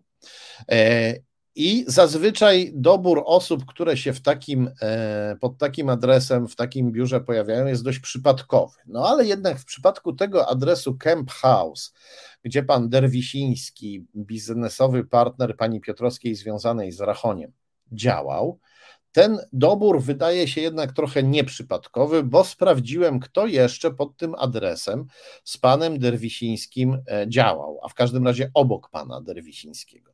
No to jest adres, pod którym e, znajduje się na, na przykład firma All Russian Jobs, czyli wszystkie rosyjskie prace, albo wszystkie prace, które mogą dostać Rosjanie. To jest firma, która sprowadza Rosjan do Wielkiej Brytanii, żeby dać im pracę. No i byłoby naiwne myśleć, że taka firma nie znajduje się pod lupą rosyjskich służb e, specjalnych e, i byłoby naiwne myśleć, że ona w jakiejś mierze nie może z tymi służbami współpracować e, albo być przez nie kontrolowana. Co więcej, pod tym samym adresem znajduje się serwis, który się nazywa iVisa Russia, czyli jakby to powiedzieć, ja rosyjska wiza, tak to można przetłumaczyć. E, serwis, który oferuje ruch w przeciwną stronę. Oferuje pomoc w zdobyciu rosyjskiej wizy dla tych, którzy chcą jechać do Rosji. I ta druga firma, czy ten drugi serwis jest bardzo interesujący. Poproszę o kolejny skan, ponieważ na Facebooku on się przedstawia jako organ czy odnoga rosyjskiej ambasady i rosyjskiego konsulatu.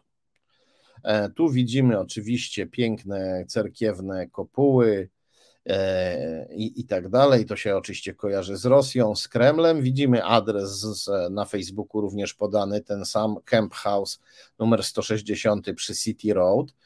Ale e, widzimy też, że strona się przedstawia jako strona dyplomatyczna. Mamy napisane konsulat i ambasada. Poproszę o kolejny skan wszedłem na stronę tego serwisu i tutaj czytam, że to jest serwis online, który pomaga e, e, zdobyć e, zaproszenie rosyjskiego obywatela przez internet, zaproszenie, dzięki któremu można wjechać do Rosji pomaga zdobyć rosyjską wizę. No my na te, w tej chwili jesteśmy trochę uczuleni, e, jeśli chodzi o e, temat wiz i słusznie, bo widzieliśmy jak PiS e, przy pomocy firmy zarejestrowanej w Moskwie i w białoruskim Mińsku sprowadzał do Polski licznych imigrantów, którym hurtowo sprzedawano wizy, tu mamy coś, co pachnie właśnie taką hurtową sprzedażą wiz rosyjskich, i ta hurtowa sprzedaż wiz rosyjskich mogła się też przekładać na e, imigrację do Polski lub próby imigracji do Polski, bo od e, osób, które działają na granicy, od informatorów, którzy pomagają uchodźcom,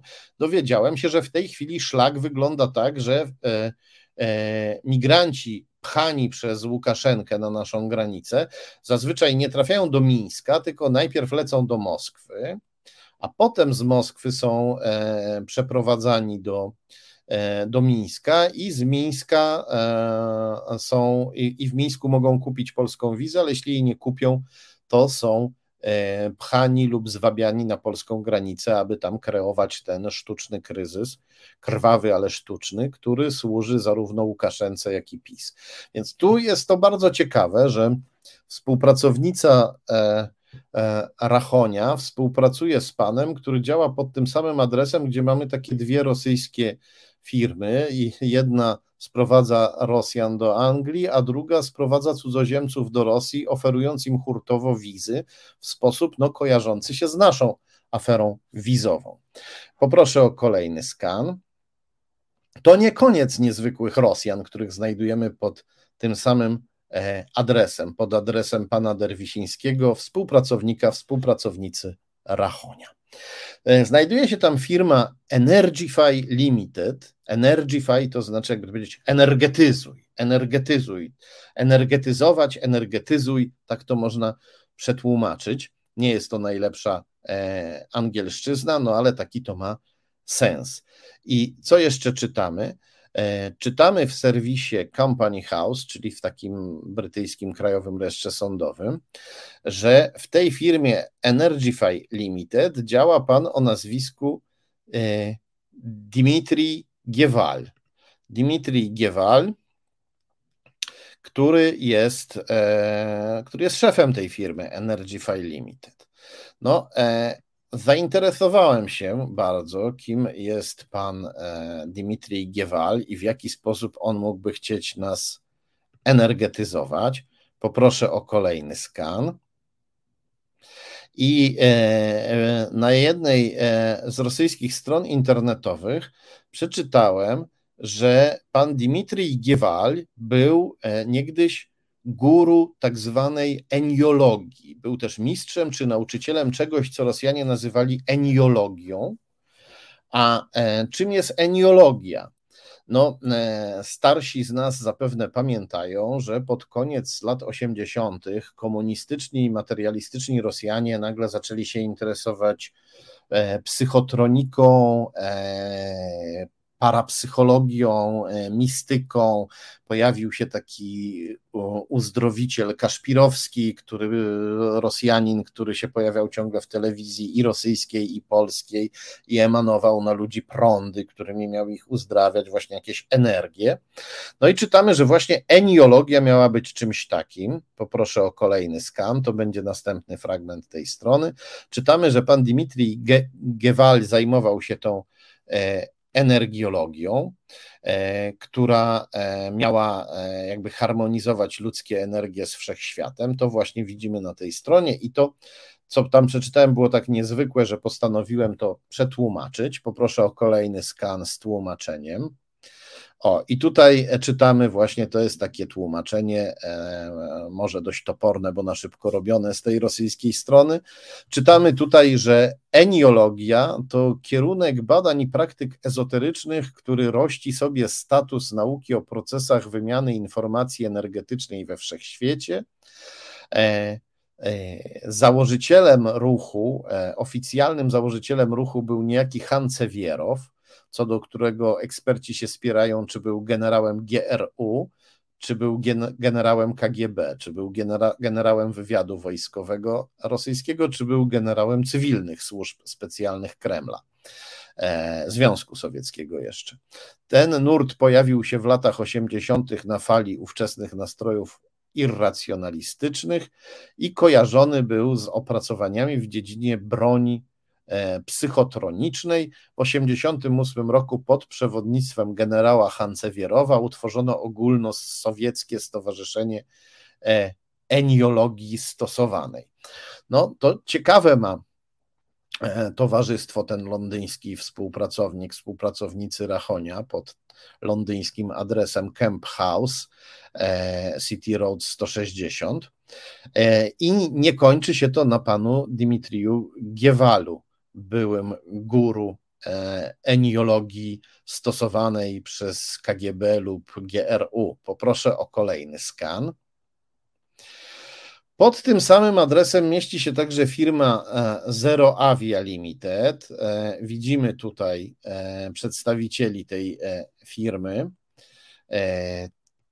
którzy ją założyli w, w Londynie. To jest pan Walerii Miftachow i to jest Jekaterina Akuliniczewa. E, czym jest firma Zeroavia, kim jest pan Walerii Miftachow i kim jest Jekaterina Akuliniczewa? Zapamiętajmy sobie te nazwiska. Pan Miftachow, poproszę o kolejny skan, to Rosjanin, fizyk, który wyjechał na zachód i który w tej chwili działa sobie zupełnie, e, o ile wiadomo, bez przeszkód w Stanach Zjednoczonych i Wielkiej Brytanii i e, zdobywa ogromne pieniądze jako szef firmy Zero Avia, która ma produkować ekologiczne samoloty. E, zasilane, jeśli dobrze zrozumiałem, wodorem.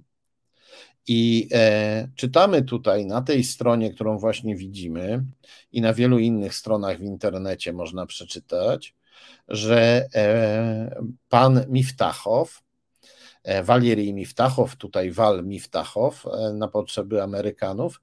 Pan Miftachow dostaje pieniądze od e, największych bogaczy naszego świata, od gigantów, od magnatów, od miliarderów, od Jeffa Bezosa, od Billa Gatesa na te właśnie swoje próby stworzenia e, całkowicie ekologicznych samolotów. I jakby to powiedzieć, ja jestem za ekologią jak najbardziej, to jest super ważny temat.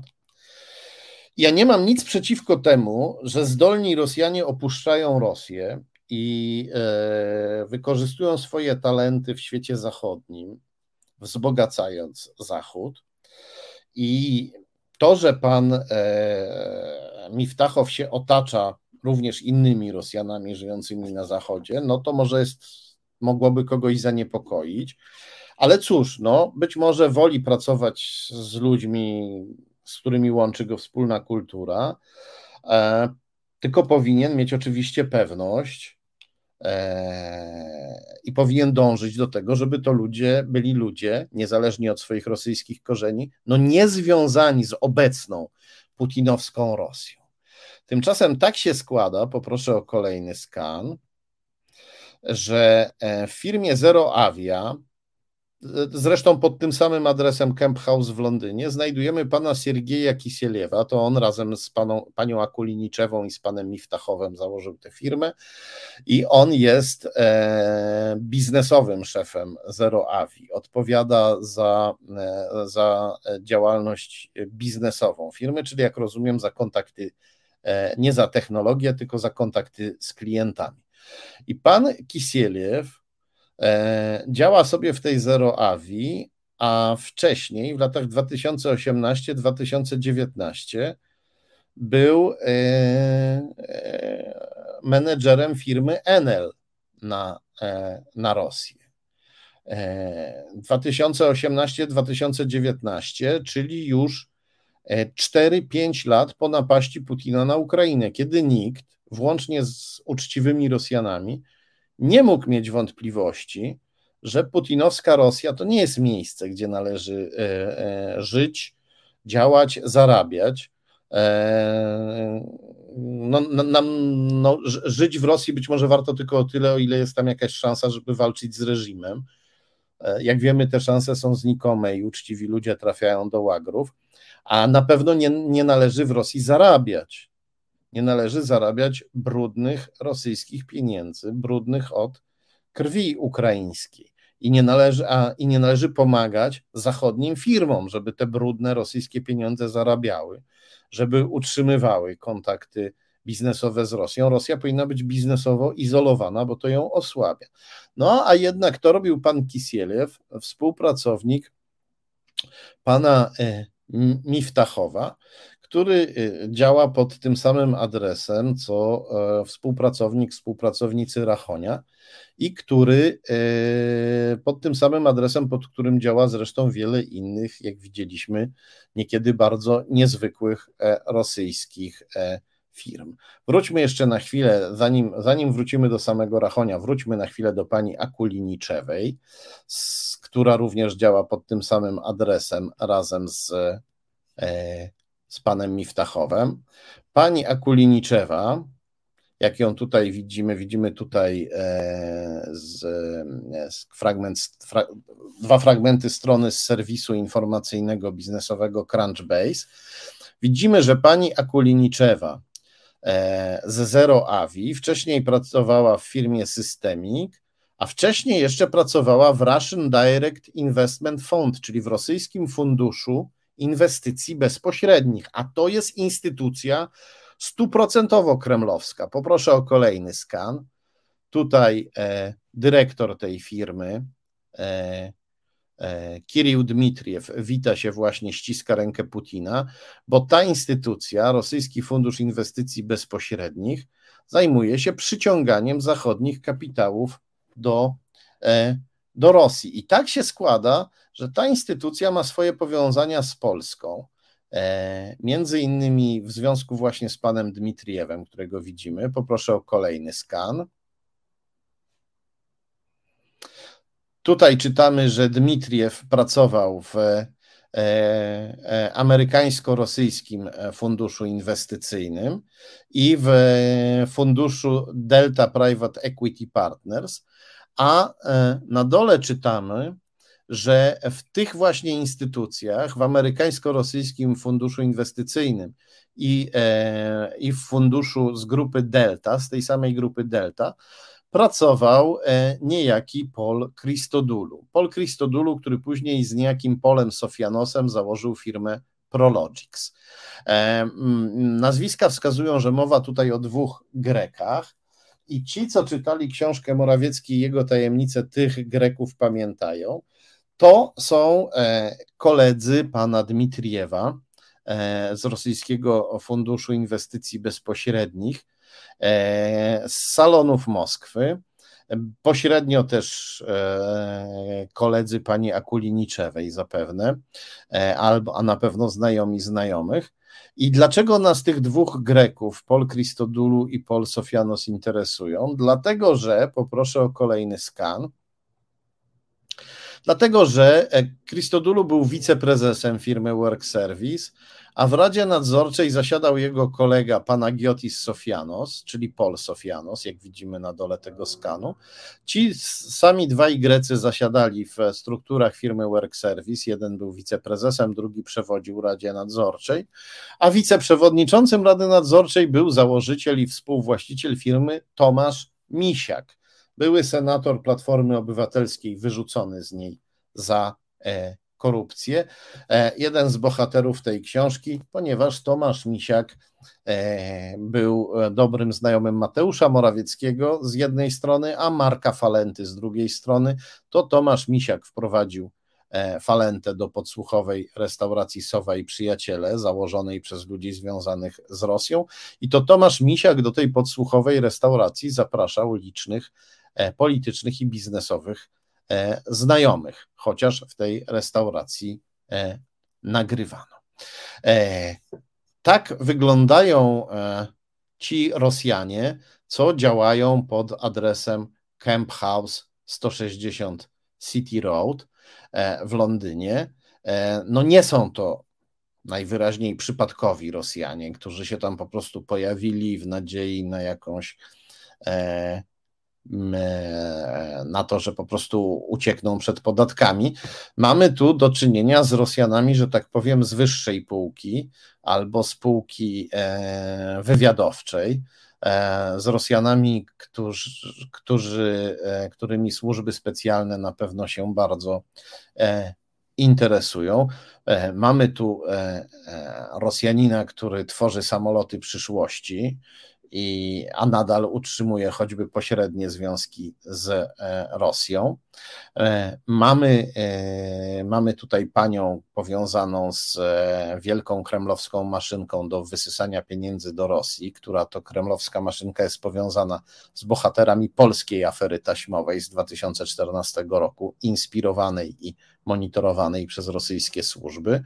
Mamy tam guru eniologii, mistrza energii wszechświata, inspirowanego, te, czyli specjalisty od dziedziny, którą wymyśliły rosyjskie służby. Mamy tam firmę, która podaje się za związaną z ambasadą rosyjską i sprzedaje wizy do Rosji. Mamy też inną firmę, która masowo Rosjan sprowadza do Londynu. No i pod tym samym adresem biznesowy współpracownik, współpracownicy Rachonia sobie e, działa.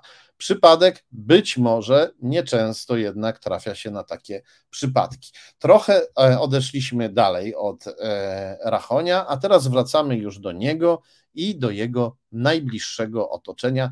Znowu będziemy mówić o rodzinie, ale podkreślam w kontekście biznesowym i biznesowo-politycznym. Poproszę o kolejny skan.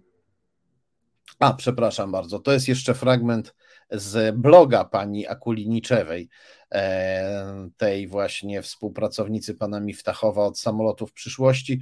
Ona na swoim blogu napisała, że pojechała e, uprawiać jogging, nie, nawet biegać w maratonie w Korei Północnej, e, w totalitarnej, ultrakomunistycznej Korei Północnej. To też nam pokazuje, do jakiego stopnia ludzie z tej firmy sobie przyswoili wartości zachodnie. To ironia, jakby ktoś nie zrozumiał. Dobrze, poproszę o kolejny skan. Przechodzimy znowu do Rachonia, albowiem tak się składa, że właśnie e, w Londynie, e, nie w Londynie, w Northampton, e, Michał Rachoń, kiedy rejestrował ten biznes, to podał adres przy ulicy Poczty Gdańskiej w Gdańsku. E, to widzimy na górze, to jest fragment e, strony z amerykańskich serwisów, e, z brytyjskich serwisów biznesowych, a na dole brytyjskiego serwisu biznesowego Company House, a na dole widzimy fragment nagłówka Polskiej Elektronicznej Księgi Wieczystej dotyczącej tego samego adresu w Gdańsku, który Rachoń podał w Anglii. No i tutaj czytamy, że to jest adres jego matki. No, duży chłop, dorosły i duży w każdym znaczeniu tego słowa, a jednak podał adres mamy w Wielkiej Brytanii. Jakby się czegoś bał, czy jakby chciał stworzyć jakąś e, dodatkową, e, dodatkowe utrudnienie w znalezieniu e, swojej osoby, gdyby ktoś go z tej Wielkiej Brytanii w Polsce próbował szukać. Nie wiemy, dlaczego to zrobił. E, na pewno e, no, wypada założyć, że zrobił to w porozumieniu z matką, bo mama mogłaby się zdziwić, gdyby nagle niespodziewanie jakąś korespondencję urzędową zaczęła dostawać od e, brytyjskiego sądu rejestrowego. Kim jest Ewa Rachoń, matka Rachonia, która tutaj tak synowi pomogła w jego międzynarodowej działalności biznesowej? To tak właśnie wygląda pani Ewa Rachoń. Poproszę o kolejny skan. To jest e, skan e, ze e, strony e, ze strony internetowej targów Amberif. To są wielkie targi bursztynu, które odbywają się w Gdańsku. Tutaj czytamy o historii tych targów i czytamy, że matka Rachonia od samego początku kierowała tymi targami. Była dyrektorem, była komisarzem tych targów, kierowała nimi w latach 94-2019, czyli e, bardzo, e, bardzo długo. Najwyraźniej te targi były wielkim sukcesem. I tutaj pani Ewa zapewne wykazała się dużym profesjonalizmem, matka, matka Rachonia. Poproszę o kolejny skan. Tu widzimy zdjęcie z ceremonii pożegnania pani Ewy Rachoń, która się odbyła w sierpniu 2019 roku. Zatem zakładam, że do tej daty pani Ewa odpowiadała za wszystko, co się na tych targach działa, albo jakoś krótko przed tą datą przestała osobiście za wszystko e, odpowiadać. Poproszę o kolejny skan. To, co widzimy, to jest. E, informacja z portalu gdańsk.pl na temat e, targów e, wiosennych Amberif w 2019 roku. One odbyły się w marcu, więc pani Ewa jeszcze za nie odpowiadała. I czytamy tutaj, że najliczniej reprezentowanymi e, wystawcami e, i gośćmi na tych targach byli Rosjanie. A to rok 2019, pięć lat po napaści Kremla na Ukrainę, kiedy już wszyscy uczciwi ludzie wiedzieli, że z Rosją nie należy współpracować, nie należy brać pieniędzy od rosyjskich wystawców czy innych biznesmenów, pieniędzy brudnych od ukraińskiej krwi. Nie wolno im pomagać też zarabiać, bo oni płacą podatki, płacą haracz Putinowi, który dzięki tym pieniądzom może jeszcze skuteczniej Ukraińców mordować. To już było jasne w 2019 roku. Nie wszyscy się do tego stosowali, ale to było, to było jasne. E, I e, wypada spytać, co na to e, rzekomo antyrosyjska telewizja TVP, w której działał i działa rzekomo antyrosyjski syn pani Ewy, Michał Rachoń. Czy zapałała oburzeniem, czy napisała jakiś artykuł na swojej stronie, albo zrobiła materiał demaskujący Ewę Rachoń i jej E, targi i jej związki z Rosjanami. No nie, w marcu 2019 roku, jak widzimy na skanie, który oglądamy, e, regionalny oddział TVP zapraszał na targi Amberiv, e, zapraszał gości, na czym te targi oczywiście zarabiały. I na czym no, zarabiała też pani Ewa Rachoń. Poproszę o kolejny skan. E, pani Ewa Rachoń po 2019 roku nie do końca rozstała się z tymi targami, ponieważ tutaj czytamy na tym fragmencie strony z serwisu rejestr.io, że pani Ewa Rachoń w październiku 2021 roku została wiceprezesem zarządu Międzynarodowego Stowarzyszenia Bursztynników. A co to za stowarzyszenie? Poproszę o kolejny skan. E, to jest skan ze strony, e, z oficjalnej strony stowarzyszenia, gdzie czytamy, że e, to stowarzyszenie zostało założone przez konsultantów targów Amberiv przy udziale komisarza targów, czyli pani Ewy Rachoń. Zatem ona w tym stowarzyszeniu była od samego początku, zanim jeszcze została wiceprezeską. To stowarzyszenie jest ściśle E, związane z tymi targami i im patronuje, czyli pani Ewa jako wiceprezeska tego stowarzyszenia nadal tym targom patronuje. No dobrze, a co się działo w 2022 roku? Gdy Putin napadł na Ukrainę, albo chwilę wcześniej, w lutym 2022 roku, gdy Putin szykował inwazję, gdy jego czołgi grzały silniki na granicy u Ukrainy. Poproszę o kolejny skan. Już mamy ten skan, o który poprosiłem. Widzę, że już jest.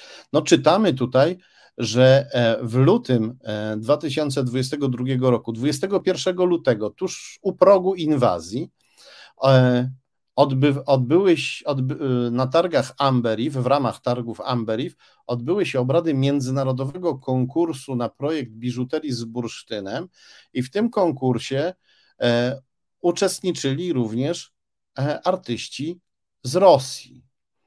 No, może pani e, Ewa i inni bursztynnicy, może organizatorzy i patroni tych targów mieli nadzieję, że Putin się jednak zatrzyma do ostatniej chwili. Ktoś mógłby tak powiedzieć, prawda? No, e, no ja, ja bym tutaj tak tego nie usprawiedliwiał, bo jak już mówiłem, Putin napadł na Ukrainę i zaczął mordować Ukraińców w 2014 roku, 8 lat wcześniej. No ale jeszcze tej wielkiej, najbardziej krwawej inwazji nie było. To może oni tak tutaj mm, do ostatniej chwili mieli nadzieję, że do niej nie dojdzie, a potem, kiedy do niej doszło, to jednak przestali z Rosjanami współpracować. Poproszę o kolejny skan. No niestety, tutaj na tej stronie, na stronie ergoarena.pl czytamy, że podczas wiosennych targów w marcu 2022 roku, czyli kiedy inwazja była w toku, no, e, wystawcy z Rosji ciągle byli obecni na targach e, Amberiv. Poproszę o kolejny skan. E, I co na to telewizja Rachonia, co na to TVP? no już nie na poziomie regionalnym, ale na poziomie ogólnokrajowym, z niezwykłym zacięciem i z dużym sercem reklamowało te targi Amberif. TVP, telewizja Rachonia reklamowała te targi, zamieszczając piękne zdjęcia, między innymi taką galerię zdjęć, no włożyli w to serce. Tu mamy e, zdjęcia bursztynowych samochodzików, poproszę o kolejny skan. Tu mamy zdjęcia, e, tu mamy bursztynowe malowidła z bursztynów, jeśli dobrze rozumiem, ułożone. Poproszę o kolejny skan. Tu mamy bursztynowe naszyjniki, Poproszę o kolejny skan. Tu mamy bursztynowego ptaszora, a ja Państwu pokazuję tylko cztery zdjęcia, było, było ich e, dziesięć. Za pomocą tych zdjęć właśnie ilustrowano materiały na temat targów i reklamowano te targi w TVP. W telewizji Rachonia reklamowano targi, którym patronowała, a wcześniej organizowała je matka e, Rachonia. Targi z udziałem Rosjan. Poproszę o kolejny skan. E, jak to wygląda teraz, proszę Państwa? W jesiennych targach 2022 Rosjanie nie uczestniczyli, zostałem poinformowany, czyli ktoś tam jednak poszedł po rozum do głowy, ale chyba nie do końca, bo kiedy wszedłem na stronę targów Amberif i spróbowałem się zarejestrować na jesień 2023 roku, E, tutaj wystąpiłem trochę jakby w roli wystawcy, to co mi wyskoczyło? No jak wpisałem, e, e, kliknąłem w opcję kraj, to pod opcją Polska, która się pojawiła jako pierwsza, pojawiła się też opcja Russian Federation, czyli Federacja Rosyjska, czyli to nie jest tak, że wystawcy z Rosji są automatycznie e, odrzucani. I proszę Państwa, no ja się zarejestrowałem na próbę jako Iwan Smirnow z Rosji, z, nie, z nieistniejącej firmy Jantarex. I proszę naszą e, realizatorkę Izę, e, żeby pokazała nam filmik, który nagrałem z tego e, zarejestrowania się. Tak to wygląda. Ja tutaj wchodzę, wpisałem się Iwan Smirnow, Rosja. E, widać flagę rosyjską, bo tak mój e, numer telefonu rosyjski podałem. Benz i czytam rejestracja konta wystawcy. Okazało się, że zostałem wstępnie zarejestrowany, aczkolwiek rozsądnie tutaj organizatorzy zastrzegli, że jeszcze się spróbują ze mną skontaktować mailowo, żeby to e, e, te rejestracje potwierdzić. E, no więc, jak widać, żadnej stałej, instytucjonalnej zapory Rosjanom nie, nie przedstawiono. Tak to, tak to niestety wygląda.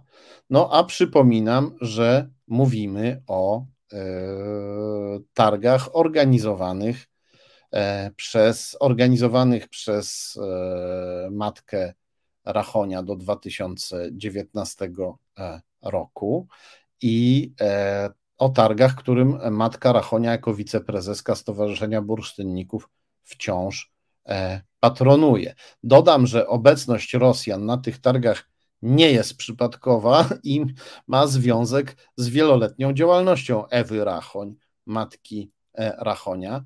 Poproszę o e, kolejny skan. To, co widzimy, to są fragmenty e, opracowania Bałtyjski i Antar, czyli e, bursztyn bałtycki, wydanej przez Ministerstwo Kultury rosyjskiego obwodu kaliningradzkiego w 2007 roku. Współautorką, jak widać na dole tego opracowania, była Ewa Rachoń, tutaj zapisana cyrylicą jako Rachoń. E, Ewa na pewno brała udział w, tym, e, w, tej, e, w tej publikacji, na pewno pojawiła się w tej publikacji, dlatego że była zainteresowana kontaktami w Rosji, a potwierdzenie dla, tej, dla tego domysłu znajdujemy w tym, że cztery lata później, poproszę o kolejny skan, w 2011 roku Ewa Rachoń, widzimy ją tu na zdjęciu i też podpisaną cyrylicą, wystąpiła w Kaliningradzie, w rosyjskim Kaliningradzie na międzynarodowej konferencji poświęconej bursztynowi. No dodam jeszcze, że 2007 rok to było już po zamordowaniu dziennikarki Anny Politkowskiej przez ludzi Putina. 2000 2011 rok to było już po napaści Putina na, na Gruzję. Poproszę o kolejny skan. Tutaj widzimy, że pani Ewa Rachoń współpracowała w w Międzynarodowym Stowarzyszeniu Bursztynników, przepraszam, nadal współpracuje z niejakim Jackiem Andrzejem Ożdżeńskim. Ona jest e, wiceprezeską, tutaj jak widzimy, a pan e, Ożdżeński jest członkiem e, zarządu tej organizacji i wszedł do zarządu tej organizacji już za wiceprezesowania pani Rachoń. Kiedy ona była wiceprezeską od ponad roku, on został członkiem e, zarządu. Dlaczego o tym mówimy? Ano dlatego, żeby rzucić światło na to, z jakimi e, intencjami i z jakim nastawieniem pani Ewa Rachoń działa, dobiera sobie współpracowników. No, być może ona po o działalności pana Jacka Ożdżeńskiego nic, e, wcześniejszej działalności pana Jacka Ożdżeńskiego nic nie wie. E, niemniej, kiedy się zaraz opowiemy sobie o tej jego przeszłej działalności, no to można zacząć podejrzewać, że ta działalność ma jakiś związek z kontaktami targów Amberiv e, z Rosją. Poproszę o kolejny skan, bo tak się składa, że w Instytucie Pamięci Narodowej e, Jacek Ożdżeński, ten sam Jacek Ożdżeński, figuruje jako tajny współpracownik najpierw Wojskowej Służby Bezpieczeństwa, a potem e, cywilnych służb, cywilnej służby e, bezpieczeństwa, cywilnych służb specjalnych PRL, czyli komunistycznej służby bezpieczeństwa SB. No niewielu było takich konfidentów, którzy służyli w obu bezpiekach, najpierw w tej wojskowej, a potem w tej cywilnej, najpierw w WSW, a potem w SB. E, co robił pan e, Ożdżeński? Poproszę o kolejny skan. Poproszę o kolejny skan. Coś nam się tutaj chyba e, zatkało. Poproszę o kolejny skan. Mamy chyba jakąś małą awarię. No to ja tylko dodam, że Jacek Ożdżeński podpisał zobowiązanie do współpracy. O, właśnie je widzimy. Poproszę o kolejny skan. E, tutaj czytamy, że e, e, donosił na swoją rodzinę i informował o jej kontaktach. Mówił, że jego ojciec posiada kolegę inżyniera chemika który e, e, ma na imię Hans i teraz mieszka w Berlinie Zachodnim i utrzymuje z rodziną pana Ożdżeńskiego kontakt korespondencyjny. Poproszę o kolejny skan. Tutaj e, widzimy, że E, pan Ożdżeński brał pieniądze, tutaj brał, wziął 200 zł w 70 roku, figurował jako konfident zresztą w, przez e, następną dekadę w rejestrach komunistycznej bezpieki. Rejestr, SB go wyrejestrowało dopiero pod, e, po, po 10 latach. I e, czytamy, a na górze mamy kolejny fragment donosu. Na dole widzimy pokwitowanie, na górze widzimy kolejny fragment donosu. Czytamy, że pan Jacek określił rodzinę ojca jako dorobkiewiczów. E, e, więc tutaj znowu mamy fragment donosu na rodzinę. Konfident donosi na swoją, e, na swoją własną rodzinę. No ja może trochę za ostro powiedziałem tutaj o pani Ewie pod względem pana Ożdżeńskiego, no bo ona faktycznie mogła, ona sama mogła nie wiedzieć o jego przeszłości, natomiast trudno przypuszczać, znaczy można przypuszczać, ale jednak wydaje się dość nieprzypadkowe, że człowiek e, mający e, związki w przeszłości bliskie z, e, jedną i e, drugą komunistyczną bezpieką. Później e, angażuje się w działalność targów, które tak długo były i chyba nie do końca jeszcze związane z Rosją. Tak długo były związane z Rosją i chyba jeszcze nie do końca z tą e, Rosją e, zerwały. E, wszystko to tutaj wygląda na nieprzypadkowe. I, i to, że e, e, a, a na pewno nieprzypadkowe jest to, że e, TVP tak intensywnie reklamowało targi Amberiv matki Michała Rachonia. Ja wam tutaj pokazałem tylko cząstkę tej produkcji publicystyczno-promocyjnej, jaką TVP robiło dla, dla tych targów tych publikacji reklamujących targi, lansujących targi, promujących targi Matki Rachonia było więcej. Oczywiście inne media też e, e, informowały o targach, można te informacje znaleźć także w Gazecie Wyborczej, ale jednak TVP robiło to z niezwykłym e, zapałem, jak tutaj widzieliśmy choćby na przykładzie tej e, galerii, e, galerii zdjęć. I TVP robiło to, okazywało ten zapał wtedy, gdy E, Amberi współpracowało, współpracowało z Rosjanami.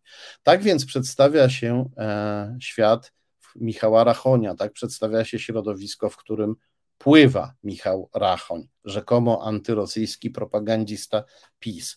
Żona powiązana z Chodakiewiczem, człowiekiem o e, niejasnych relacjach z SB w przeszłości, człowiekiem, który działa w think tanku powiązanym z Rosją, który działa w organizacji, która wypromowała rosyjskiego szpiega w Stanach Zjednoczonych.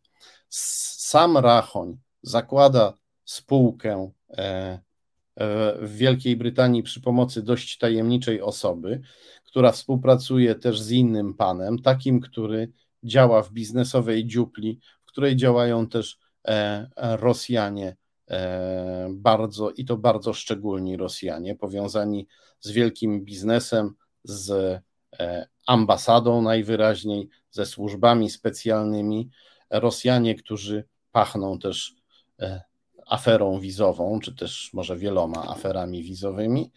I na koniec matka Rachonia, która go wspiera, użycza mu lokalu, do rejestracji jego e, brytyjskiej działalności gospodarczej i która, e, no co tu dużo mówić, albo robi wielkie biznesy z Rosjanami, albo takim biznesom patronuje. No może nie wielkie, ale jednak znaczące, bo te targi Amberiv to jest duża, duża rzecz. A z kolei telewizja Rachonia te targi matki, w których uczestniczą Rosjanie, intensywnie promuje. Tak wygląda ten rzekomo antyrosyjski świat Michała e, Rachonia. I e, kiedy na niego patrzycie, to zapewne wielu z Was przede wszystkim myśli o tym, że to jest człowiek, który przebrał się kiedyś za penis Putina. Cóż, e, chciałbym, żeby temu towarzyszyła taka refleksja, że niektórzy, kiedy, kiedy się przebierają za penis Putina, to się przebierają a niektórzy, kiedy się przebierają za penis Putina, to najwyraźniej się odsłaniają. To tyle. Teraz prawoteka. E, ja Wam gorąco dziękuję. Widzimy się za tydzień. Do zobaczenia.